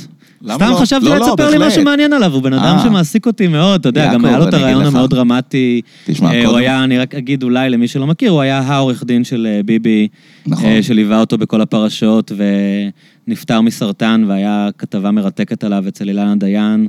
אה, גם איך שהוא דיבר על משפחת נתניהו, שהקשר שלו אליהם הוא כמעט אבהי, שהייתה להם איזו תלות בו כנראה, שחורגת מהייעוץ המשפטי, אבל בלי קשר, הוא בן אדם אה, עם, עם נטייה, בהרגשה שלי, קצת לאנרכיזם. לגמרי. אה, מאוד מאוד פתוח בראש, מאוד... אה, תראי. בתור בן אדם חר, חרדי, כן. ו- ולא רק. אז כן. סתם חשבתי אולי יהיה לך משהו מעניין לספר עליו, לא יודע, אולי לא, לא בכיוון. תראה, יעקב הוא טיפוס. אני... בוא נגיד, הייתה תקופ... היו תקופות שהייתי בקשר מאוד חזק איתו, והיו תקופות שהייתי לגמרי מנותק. ובשנים האחרונות היה לי, אה, היינו בנתק, אה, בגלל, לא, לא, הייתי נורא עסוק, ופשוט לא היה לזה סיבה, ולא היה לנו קשר. ויום אחד אני, סטודנטית שלי מספיר, סיפרה לי שהיא התקב- התקבלה להתמחות אצל אה, יעקב. אמרתי איתו, אני מוכרח לנצל את ההזדמנות הזאת בשביל ליצור קשר עם יעקב, צלצלתי אליו, אמר, אמר לי, יאללה, בוא. ובאתי לבקר אותו, הייתה לנו שיחה מדהימה, שעתיים, ושבועיים אחרי זה הוא מת. וואו. כלומר, כבר ראית שהוא חולה... לגמרי, הוא היה, הוא היה שלד, והוא אמר לי, תשמע, אני נס רפואי, זה שאני מדבר איתך זה פשוט נס. הייתי צריך למות כבר מזמן, אה, לא ברור איך אני ממשיך אה, לחיות, אבל מבחינת שכלית הוא היה מאה אחוז. עכשיו, יעקב הוא היה טיפוס אה, מעניין, בוא נגיד כך, הוא היה עם המון הפכים. הוא היה, לכאורה, כמו שאמרת, הוא היה אדם חרדי, מאמין. מצד שני, הוא היה ליברלי לגמרי, והרבה פעמים חשבתי, אני לא חושב שהוא האמין באלוהים. מהמם. אם אתה שואל אותי, הוא לא האמין באלוהים. הוא לא האמין, במובן הפשטני של המילה אלוהים, שאחד שממש לא האמין, אני לא אני, אני לא, זה לא שאני יודע, אני מאמין שהוא לא האמין במובן הפשטני, הוא האמין באלוהים ברמה הרבה יותר פילוסופית, נקרא לזה. מצד אחד הוא היה רציונלי בצורה בלתי רגילה, ומצד שני היו לו אמונות טפלות. כמו מה? לבק- לק- אז מבחינתי לקבל ברכה מהרבי זה אמונה אוקיי. תפלה. כן, אבל גם כן, מבחינתו. כן. כן. אבל הוא עדיין עשה את אבל, אבל הוא עדיין היה עושה את זה. זה. כן. אמ, הוא... מצד אחד הוא היה קמצן חולני, ומצד שני הוא היה נדיב. כן, הוא היה מישהו שהיה שיכור, שהיה נכנס פעם בשבוע למשרד, והוא היה מקבל, מקבל ממנו אלפי שקלים. וואו. הוא היה עשיר ברמות משוגעות, נכון? אפשר להגיד. אני לא יודע אוקיי. להגיד לך. אני לא יודע, אוקיי. ואני לא יודע ממה. אוקיי. זה, אתה יודע, יש לו בית יפה וכן הלאה, אני לא, הוא לא היה ראוותן ב- באושר שלו, בוודאי שלא. הוא היה למדן כזה, הוא... אה, מצד אחד הוא היה... אני אתן לך... היה לו איזשהו סוג של בוז לאנשים עשירים, וללקוחות שהיו משלמים לו הרבה כסף, הוא היה יכול להתעלל בהם ממש. ודווקא הלקוחות החסרי כל, הוא היה מקדיש להם את נשמתו. וואו. עכשיו, אני לא יודע אם זה דבר טוב או רע. אתה יודע, אתה אדם משלם, אדם משלם, אתה מצפה ש... אתה רוצה שהוא... בוא נגיד, שיקבל לפחות את אותו שירות כמו אני, כן? אצלו זה היה הפוך. היה לו בוז היה מאוד לנו, גדול היה לחומרנות, לנו זה מה לקוח. שהיה, פרו בונו, בהתמחות שלך. כן, בזמן ההתמחות, סגן אלוף בצבא, שלגמרי פרו בונו, ובאותו זמן היה לקוח עשיר ששילם הון תועפות, ואני זוכר, יעקב אמר לי, תשמע, אנחנו- אני אתן לו עכשיו, אני אקבע לו שכר טרחה כזה שהוא לא ירצה לבוא, ללקוח העשיר. והלקוח הישיר אמר, כן, אני לא מוכן בשכר טרחה הזה. ולמרות זה, אני אומר לך, הלקוח העני קיבל שירות יותר טוב. עכשיו, זה לא משהו שאני חשבתי שהוא חיובי, דרך אגב. זה לא, אני לא מספר את זה בשביל להגיד משהו חיובי על יעקב, אלא בשביל להסביר את המורכבות של הבן אדם. הוא היה אדם מאוד מאוד מורכב. אמ, ויש לו מעריצים גדולים ויש לו שונאים גדולים. אמ, יש אנשים שחושבים שהוא האדם הכי חכם בעולם, ויש אנשים שחושבים שהוא טיפש מטופש. הוא גם היה מאוד מתנשא על, אה, על הצדדים האחרים במשפט, נכון? הוא היה מאוד אגרסיבי בבתי משפט, אה, ולפעמים גם לועג לפרקליטות ולמתקן בעברית, אני יודע, כל מיני... אבל... על איזה אסטרטגיה. אני לא יודע אם הוא היה מתקן בעברית, אבל לא עד כדי כך. אוקיי. אבל מצד שני, היה לו גם אה, יחס של כבוד אליהם. זאת אומרת, זה, זה, אני אומר, זה, זה כל מה שתגיד עליו נכון, וגם ההפוך. כל מה שתגיד עליו נכון והפוך. אמ, ולכן הוא, יש אנשים שמסתכל, ש... ואני מסתכל עליו תמיד ואני אומר, הוא אדם מורכב, ולכן אני רואה גם את זה וגם את זה. ויש אנשים שרואים רק את הצד האחד, ורק, ויש אנשים שרק את הצד השני. אמ, אני אגב לא בטוח שהוא לא היה אדם מאמין. אני ראיתי כמה הרצאות שלו ושיחות איתו בנושאים אמ, אמוניים של מחשבת ישראל. אני מסכים איתך שהיה לו, שהוא בטוח כנראה זלזל ברוב הרבנים העכשוויים, ושהוא, היה לו תפיסה מאוד פילוסופית, והוא בן אדם שקרא את כל הפילוסופיה שיש, לא צריך mm-hmm. למנות בכלל, אבל אה, כשאתה רואה את הלהט שלו בשיחות, אה, כשמדברים על, אה, על נושאים אה, של מחשבת ישראל, או שקשורים לנושאים... אמוניים, אתה, אתה רואה בן אדם שאתה יודע, מתעורר אצלו משהו כשהוא מדבר על, ה, על הנושאים האלה. זה עניין אותו. Mm-hmm. עניין אותו מה זה אמונה, עניין אותו שאלות, נקרא לזה דתיות, כן. אבל שאלות, בדיוק, שאלות פילוסופיות. הוא, הוא היה תלמיד חכם. Mm-hmm. אבל זה, הש... מזה עד להגיד, האם אתה מאמין, ב, בוא נגיד ככה, בהשגחה פרטית למשל, okay. אוקיי. כן? אני לא חושב. Mm-hmm. קשה. הוא היה שכלתן מדי בשביל אה, בכלל אה. לחשוב על קונספט כזה, שאלוהים שפותר לך את הדבר. אבל יחד עם זאת, אתה יודע מה, הוא גם כמו שאמרתי קודם, הוא גם היה מאמין מאוד וגם היה כופר גדול. אני, חושב ככה, אני לא יודע. זה חידה, הוא היה חידה בעיניי בעניין הזה. זה לא שאני יודע משהו. כן, ההתרשמות שלך. ההתרשמות שלי מה, מהשיחות איתו, זה של אדם מאוד מורכב, ולכן כל מה שאדם מאמין גדול, הוא גם היה ספקן גדול. בואו נגיד את זה בצורה הזאת. הוא, כמו שהוא היה מאמין גדול, הוא גם היה ספקן טוב, גדול. הוא משפטן. ולכן זה, זה יותר נכון יהיה להגיד ממה שאמרתי קודם, הוא היה פשוט ספקן גדול. יופי. אה, נושא שהיינו צריכים להגיע אליו אולי מקודם, אה, הלהקת רוק שלך. אוקיי. שוט. אוקיי, אז אני אמ, שמעתי אותך בהתחלה שר בקונטקסטים של שירים אה, עיתוליים, אה, אה, כמו השיר של מכללת ספיר, ולא... דרך אגב, זה לא לגמרי עיתולי. יש, יש בו הרבה הומור, נגיד יש ככה. יש בו הומור, כן. אבל יש בזה גם אה, משהו אמיתי לגמרי. לא, אומרת, אני, כמו אני, בהרבה דברים עיתוליים. בדיוק, גם בהומור, זה לא אומר שהם מדברים כן, שטויות, אבל כן. הגישה היא מאוד הומוריסטית. כן. אה, לפני התוכנית הזאת אה, נכנסתי ליוטיוב אה, אוקיי. לצפות בקטעים של הלהקה שלך, צד ב'. כן. מה גילית? קודם כל שהרמה ממש גבוהה, אני חשבתי שמדובר במין חלטורה. זה חלטורה, בוא נגיד ככה. זה חלטורה, אבל מנגן איתך שם ומפיק את זה אריק קטורזה, שהוא נכון, מוזיקאי ברמה הכי גבוהה שיש. מעולה. וגם הנגנים האחרים מעולים, וגם הזמרת ששרה איתך מולה. תראה, הזמרת, נתחיל מזה, הזמרת היא אחיינית שלי. אוקיי. והיא מעולה, מעולה ביותר. דרך אגב, גם בקליפ, היא, ארגנה את כל הקולות. הקולות בקליפ זה כולם של, זה של שלוש אחייניות שלי, נוגה, תמרה ורחל, ושל הבן שלי עידו ושל חברה שלו אופיר. הם כולם מוזיקאים מעולים, אה, בייחוד ארבעת הבנות. הבן שלי ואני זה תחביב.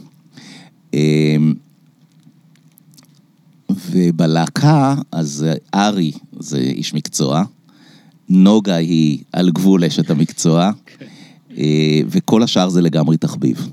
זה מתופף, קלידן, המתופף הוא וטרינר, הקלידן הוא מהנדס וכן הלאה וכן הלאה. אה, אז זה לגמרי תחביב, אבל כל יום חמישי בצורה מאוד רצינית אנחנו נפגשים לחזרה של שלוש שעות.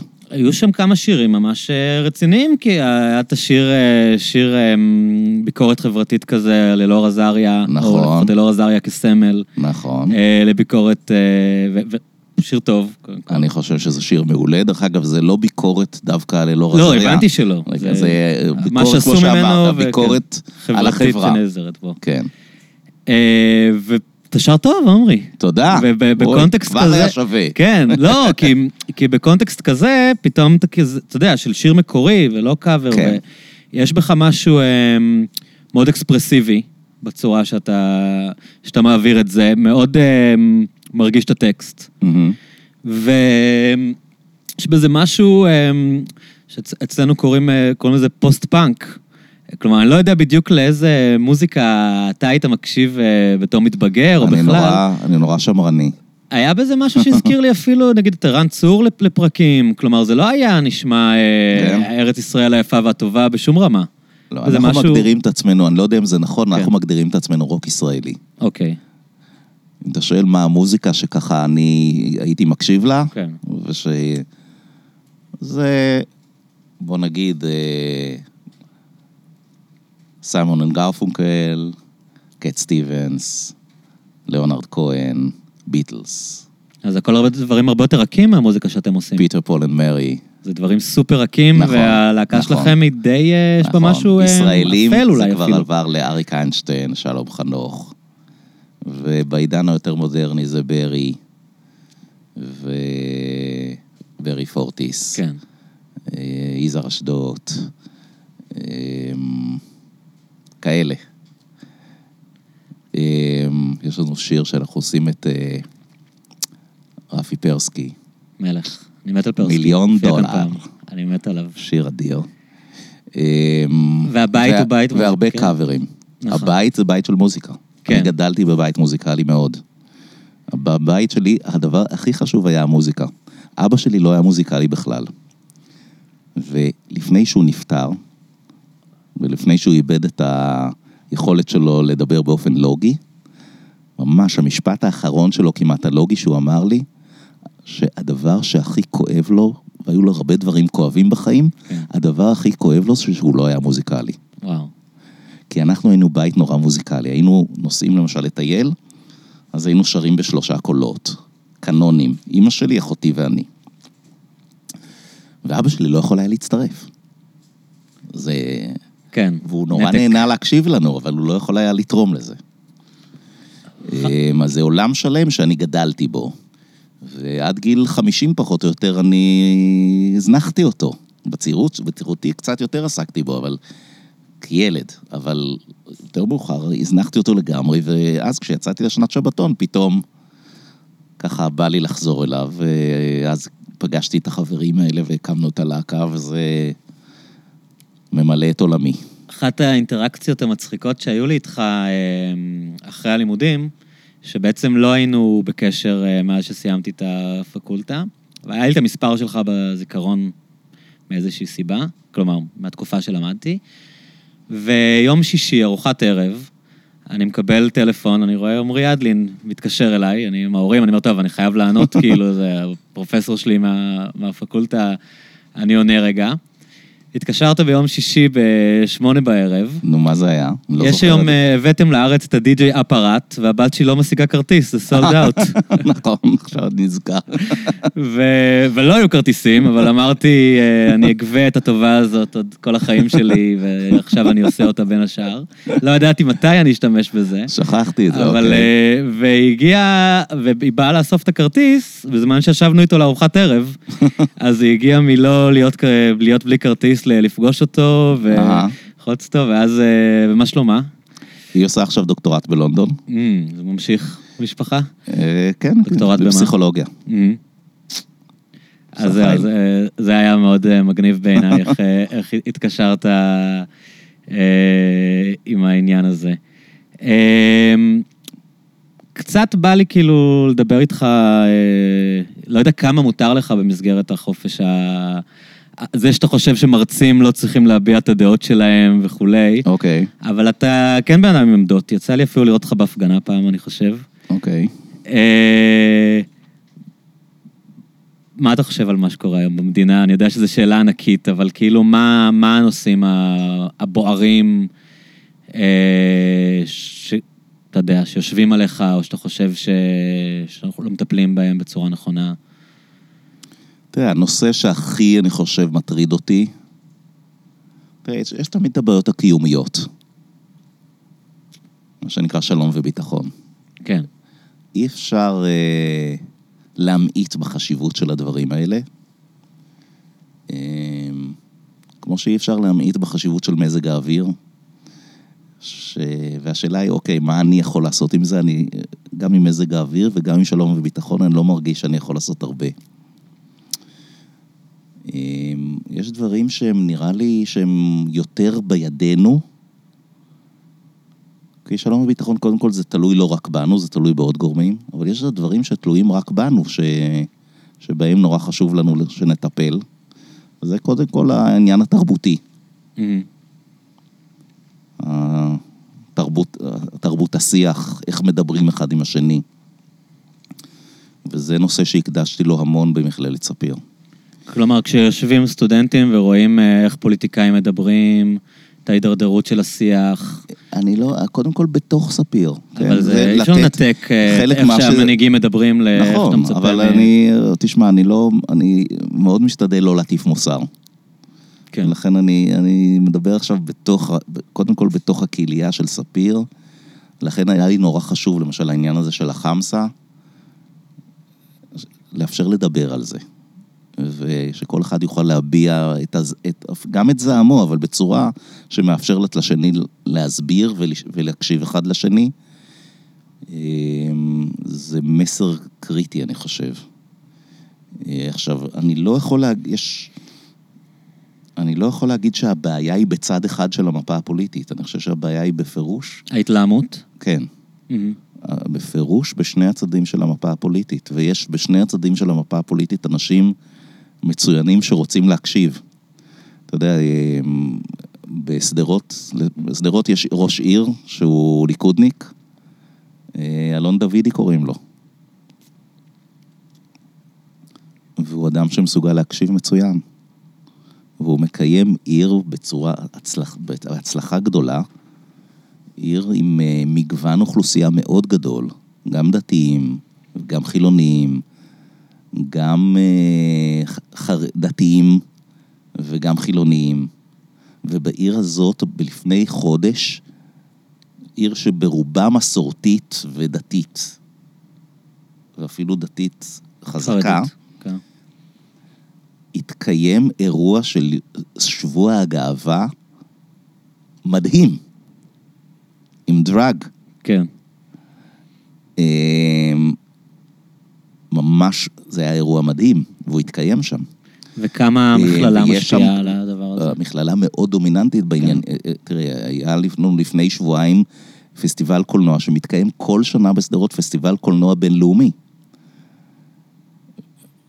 ברמה גבוהה מאוד, וזה הופך את העיר. והעיר מספיק סובלנית לארח את זה. ואלון דוידי הוא מראשון המברכים על הדבר הזה.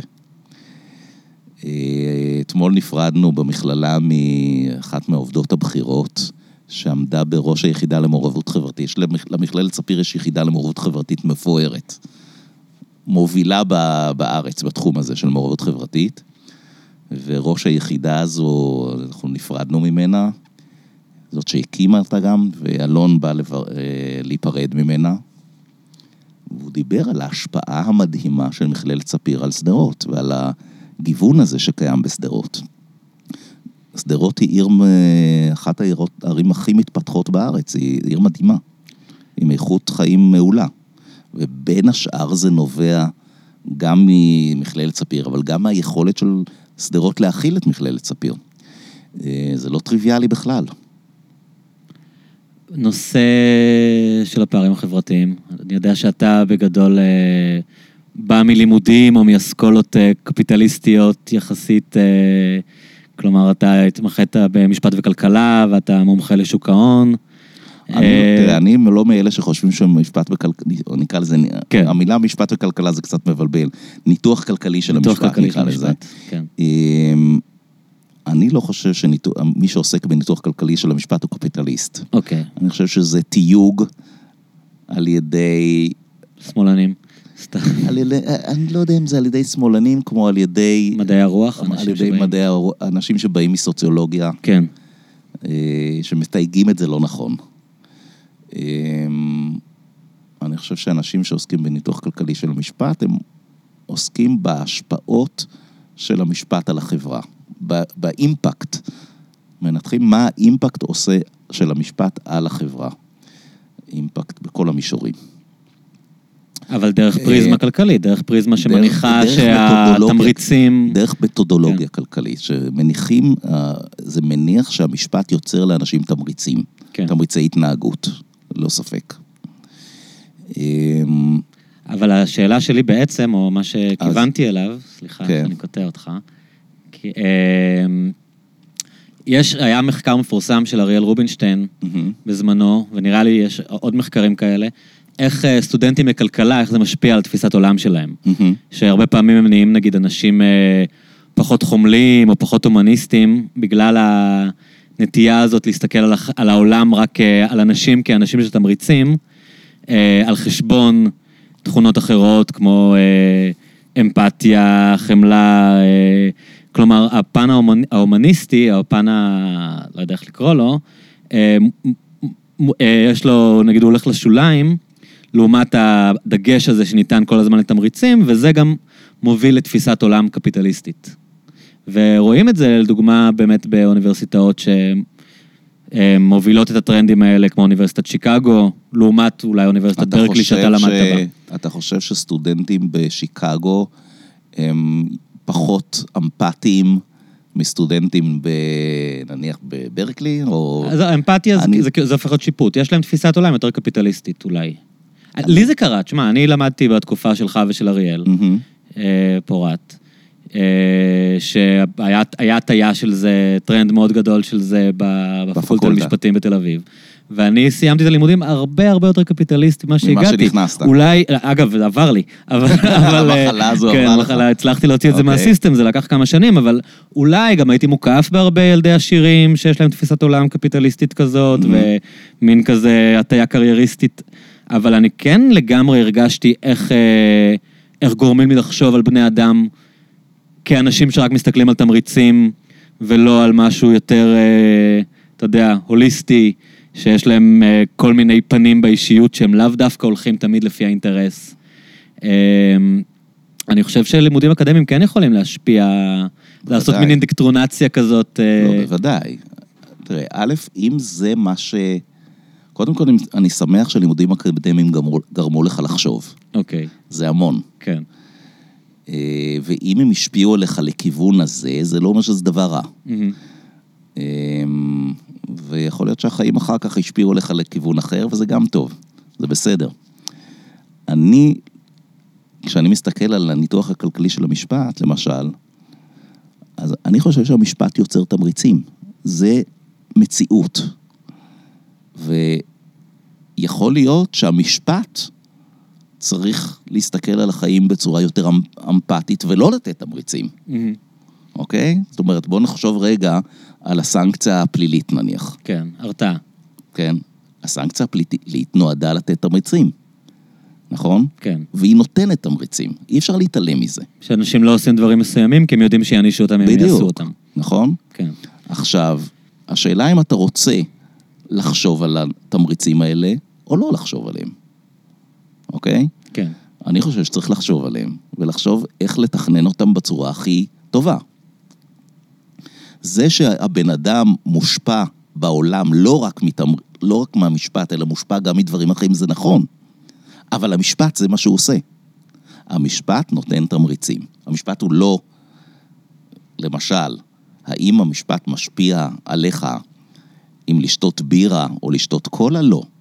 אה, כן, אתה יודע, הוא ממסה בירה ברמה כזאת. אוקיי, כן, אז אנחנו ממסה רוצים... בירה ברמה כזאת שהבירה יקרה. יפה, מאה- אחוז, אז בואו נדבר על זה. כן. אז זה תמריץ שאתה תרצה לדבר עליו, אבל הוא לא משפיע על, על הטעם שלך. לא. הוא משפיע לא על העדפות. שלי, אלא... הוא, הוא משפיע בדיוק על התמריצים האלה, ועל זה צריך לדבר. מהמם. עכשיו, זה נכון שכשלמדת משפטים, עזוב רגע ניתוח כלכלי של המשפט. עצם זה שלמדת משפטים, זה גורם לך לחשוב קצת כמו משפטן. וזה מעוות לך פתאום את הפרופורציות. כמו שמי שלומד אומנות, זה מעוות לו את הפרופורציה, פתאום כל העולם נהיה אומנות. כן.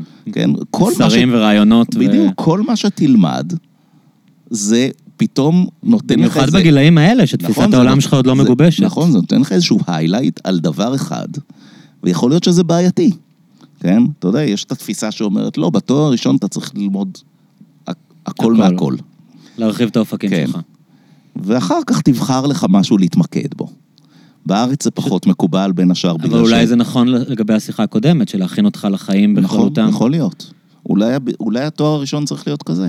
אוקיי, אז השאלה שלי הייתה, אה, אחרי שאמרנו את כל זה, אני, אה, לא, אני לא חושב ש- על עצמי כקפיטליסט. אוקיי. הרבה אנשים אחרים חושבים שאני קפיטליסט. למה? כי יש לי למשל, העמדה שלי נגד קביעות נכון. נתפסת על ידי אנשים רבים כקפיטליסט. אני לא, אני, אני נגד, אני בעד רגולציה יותר חלשה מהקיימת. יותר חלשה? כן. בהרבה תחומים, תחומים. למשל, למשל בשוק העבודה. מהמם. למשל בשוק ההון. אמ, אבל זה לא שייך, בעיניי זה לא שייך לקפיטליזם או לסוציאליזם.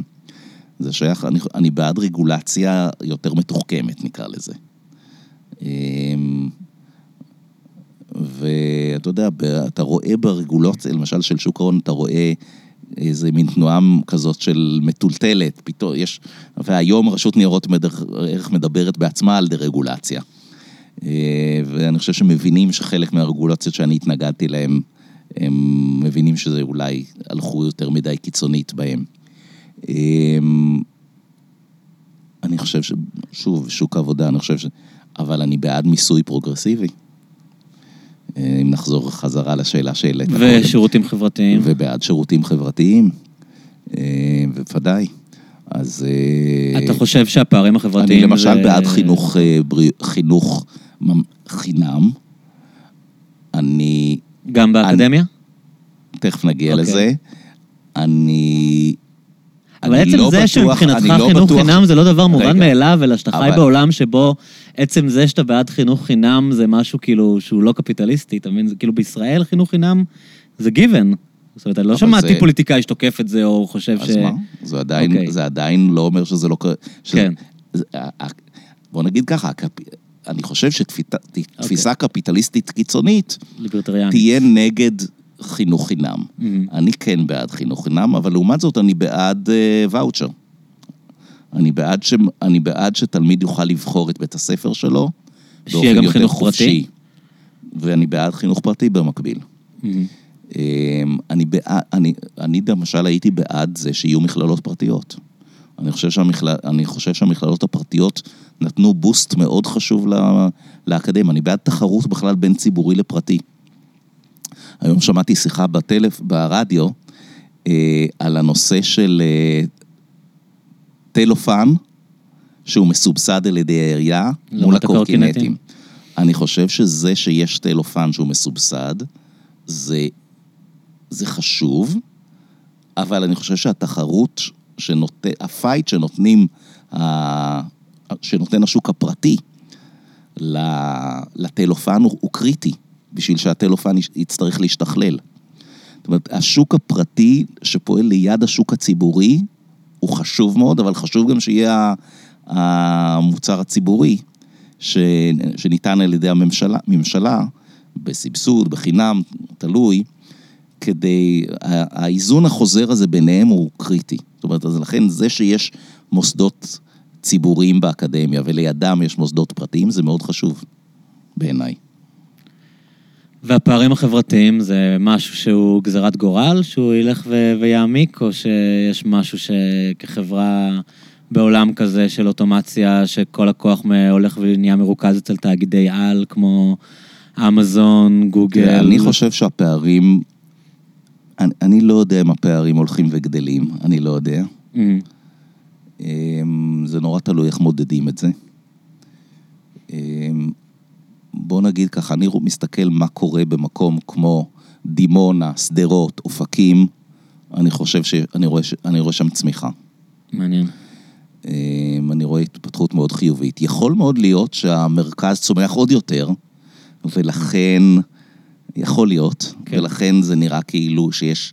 אבל בסופו של דבר, מה שחשוב, אם אני מסתכל על זה רגע מבחינה, בנקודת מבט רולסיאנית, זוכר? כן, רולס? בטח, שצריך לעבוד בשביל כולם.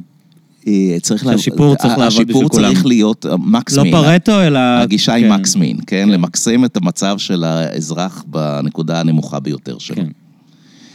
אה, לעומת זאת, אם אני מסתכל על האוכלוסייה הבדואית, המצב מאוד קשה.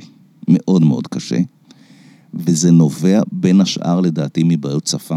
אני חושב שפערי השפה, אנחנו חייבים להתגבר עליהם, כי פערי השפה פוגעים בהזדמנות להתקדם.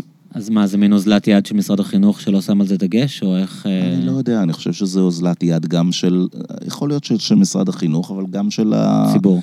גם של הציבור. ההנהגה הב- שלהם, ה- ההנהגה הבדואית ש... ואולי, לא יודע, אני לא יודע על מי להטיל פה את האשמה. אולי גם שלנו, האקדמיה. תגיד, אתה- שקלת ללכת לפוליטיקה באיזשהו שלב? לא. אני, זהו, כי זה לא מתאים לך לאופי. מצד שני, עם הרקורד שלך, זה נשמע כמו מה לא. שבני גנץ או יאיר לפיד יחפשו בדיוק למספר 27 ברשימה שלהם. הבאנו אה, איש חינוך אידיאליסט שעבד לא- בפריפריה. אני לא בנוי לזה. קיבלת הצעות? אני לא יכול לדבר על זה. אז התשובה היא כן, אני מבין. אבל אני ממש מה- לא מה בנוי לזה. להגיד לא? זה לא... אני לא יודע, אולי כשאני אצא לפנסיה, אני לא חושב, אבל... אז לא- אני לא בנוי לזה. זה... אבל אה, כל מה שעשית הכשיר אותך לזה, אתה יודע להתמודד עם משברים, אתה יודע לצאת... לא, מ- לא באמת. מה, הבחישות? כאילו, המשחקים המלוכלכים? כן, אני חושב שהפן הזה הוא חשוב לפוליטיקאי ואין לי אותו. אמ, אני מרגיש שעוד יש לי מה לעשות בעולם האקדמי. אני רוצה אה, חזרה לאוניברסיטת תל אביב עם הרבה אנרגיה, לעשות שם דברים חדשים, שבעיניי הם חשובים לא פחות. אני לא חושב שאני אצליח בעולם הפוליטי. יופי. טוב, זה דווקא משמח. עמרי, תודה רבה. תודה לך, אריאל, היה לי. תענוג. איזה יופי. היה לי תענוג להכיר אותך כסטודנט. אה, נכון.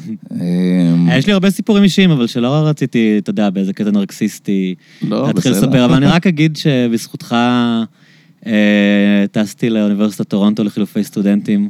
אתה קיבלת אותי בריאיון אישי. נכון, למרות לגמרי. שכבר אז התחלת את המתודה, כי היה לי ציונים פחות טובים מחלק מהאנשים שניגשו, ונתת לי את ההזדמנות הזאת שהייתה אירוע מאוד חשוב בחיים. שלי. אה, ובכלל, היה לי כיף להכיר אותך עד היום. היה לי גם כיף, אריאל. ובהצלחה פה בפאב המדהים הזה. ממש כיף. אתה מוזמן תמיד אחריו שאתה שכן ועברת להבימה, סיפרת לי, כן. ומשתמש בשירותים הפרטיים של הקורקינט. ולא בטלפן. לגמרי. כיף, תודה. תודה, להתראות.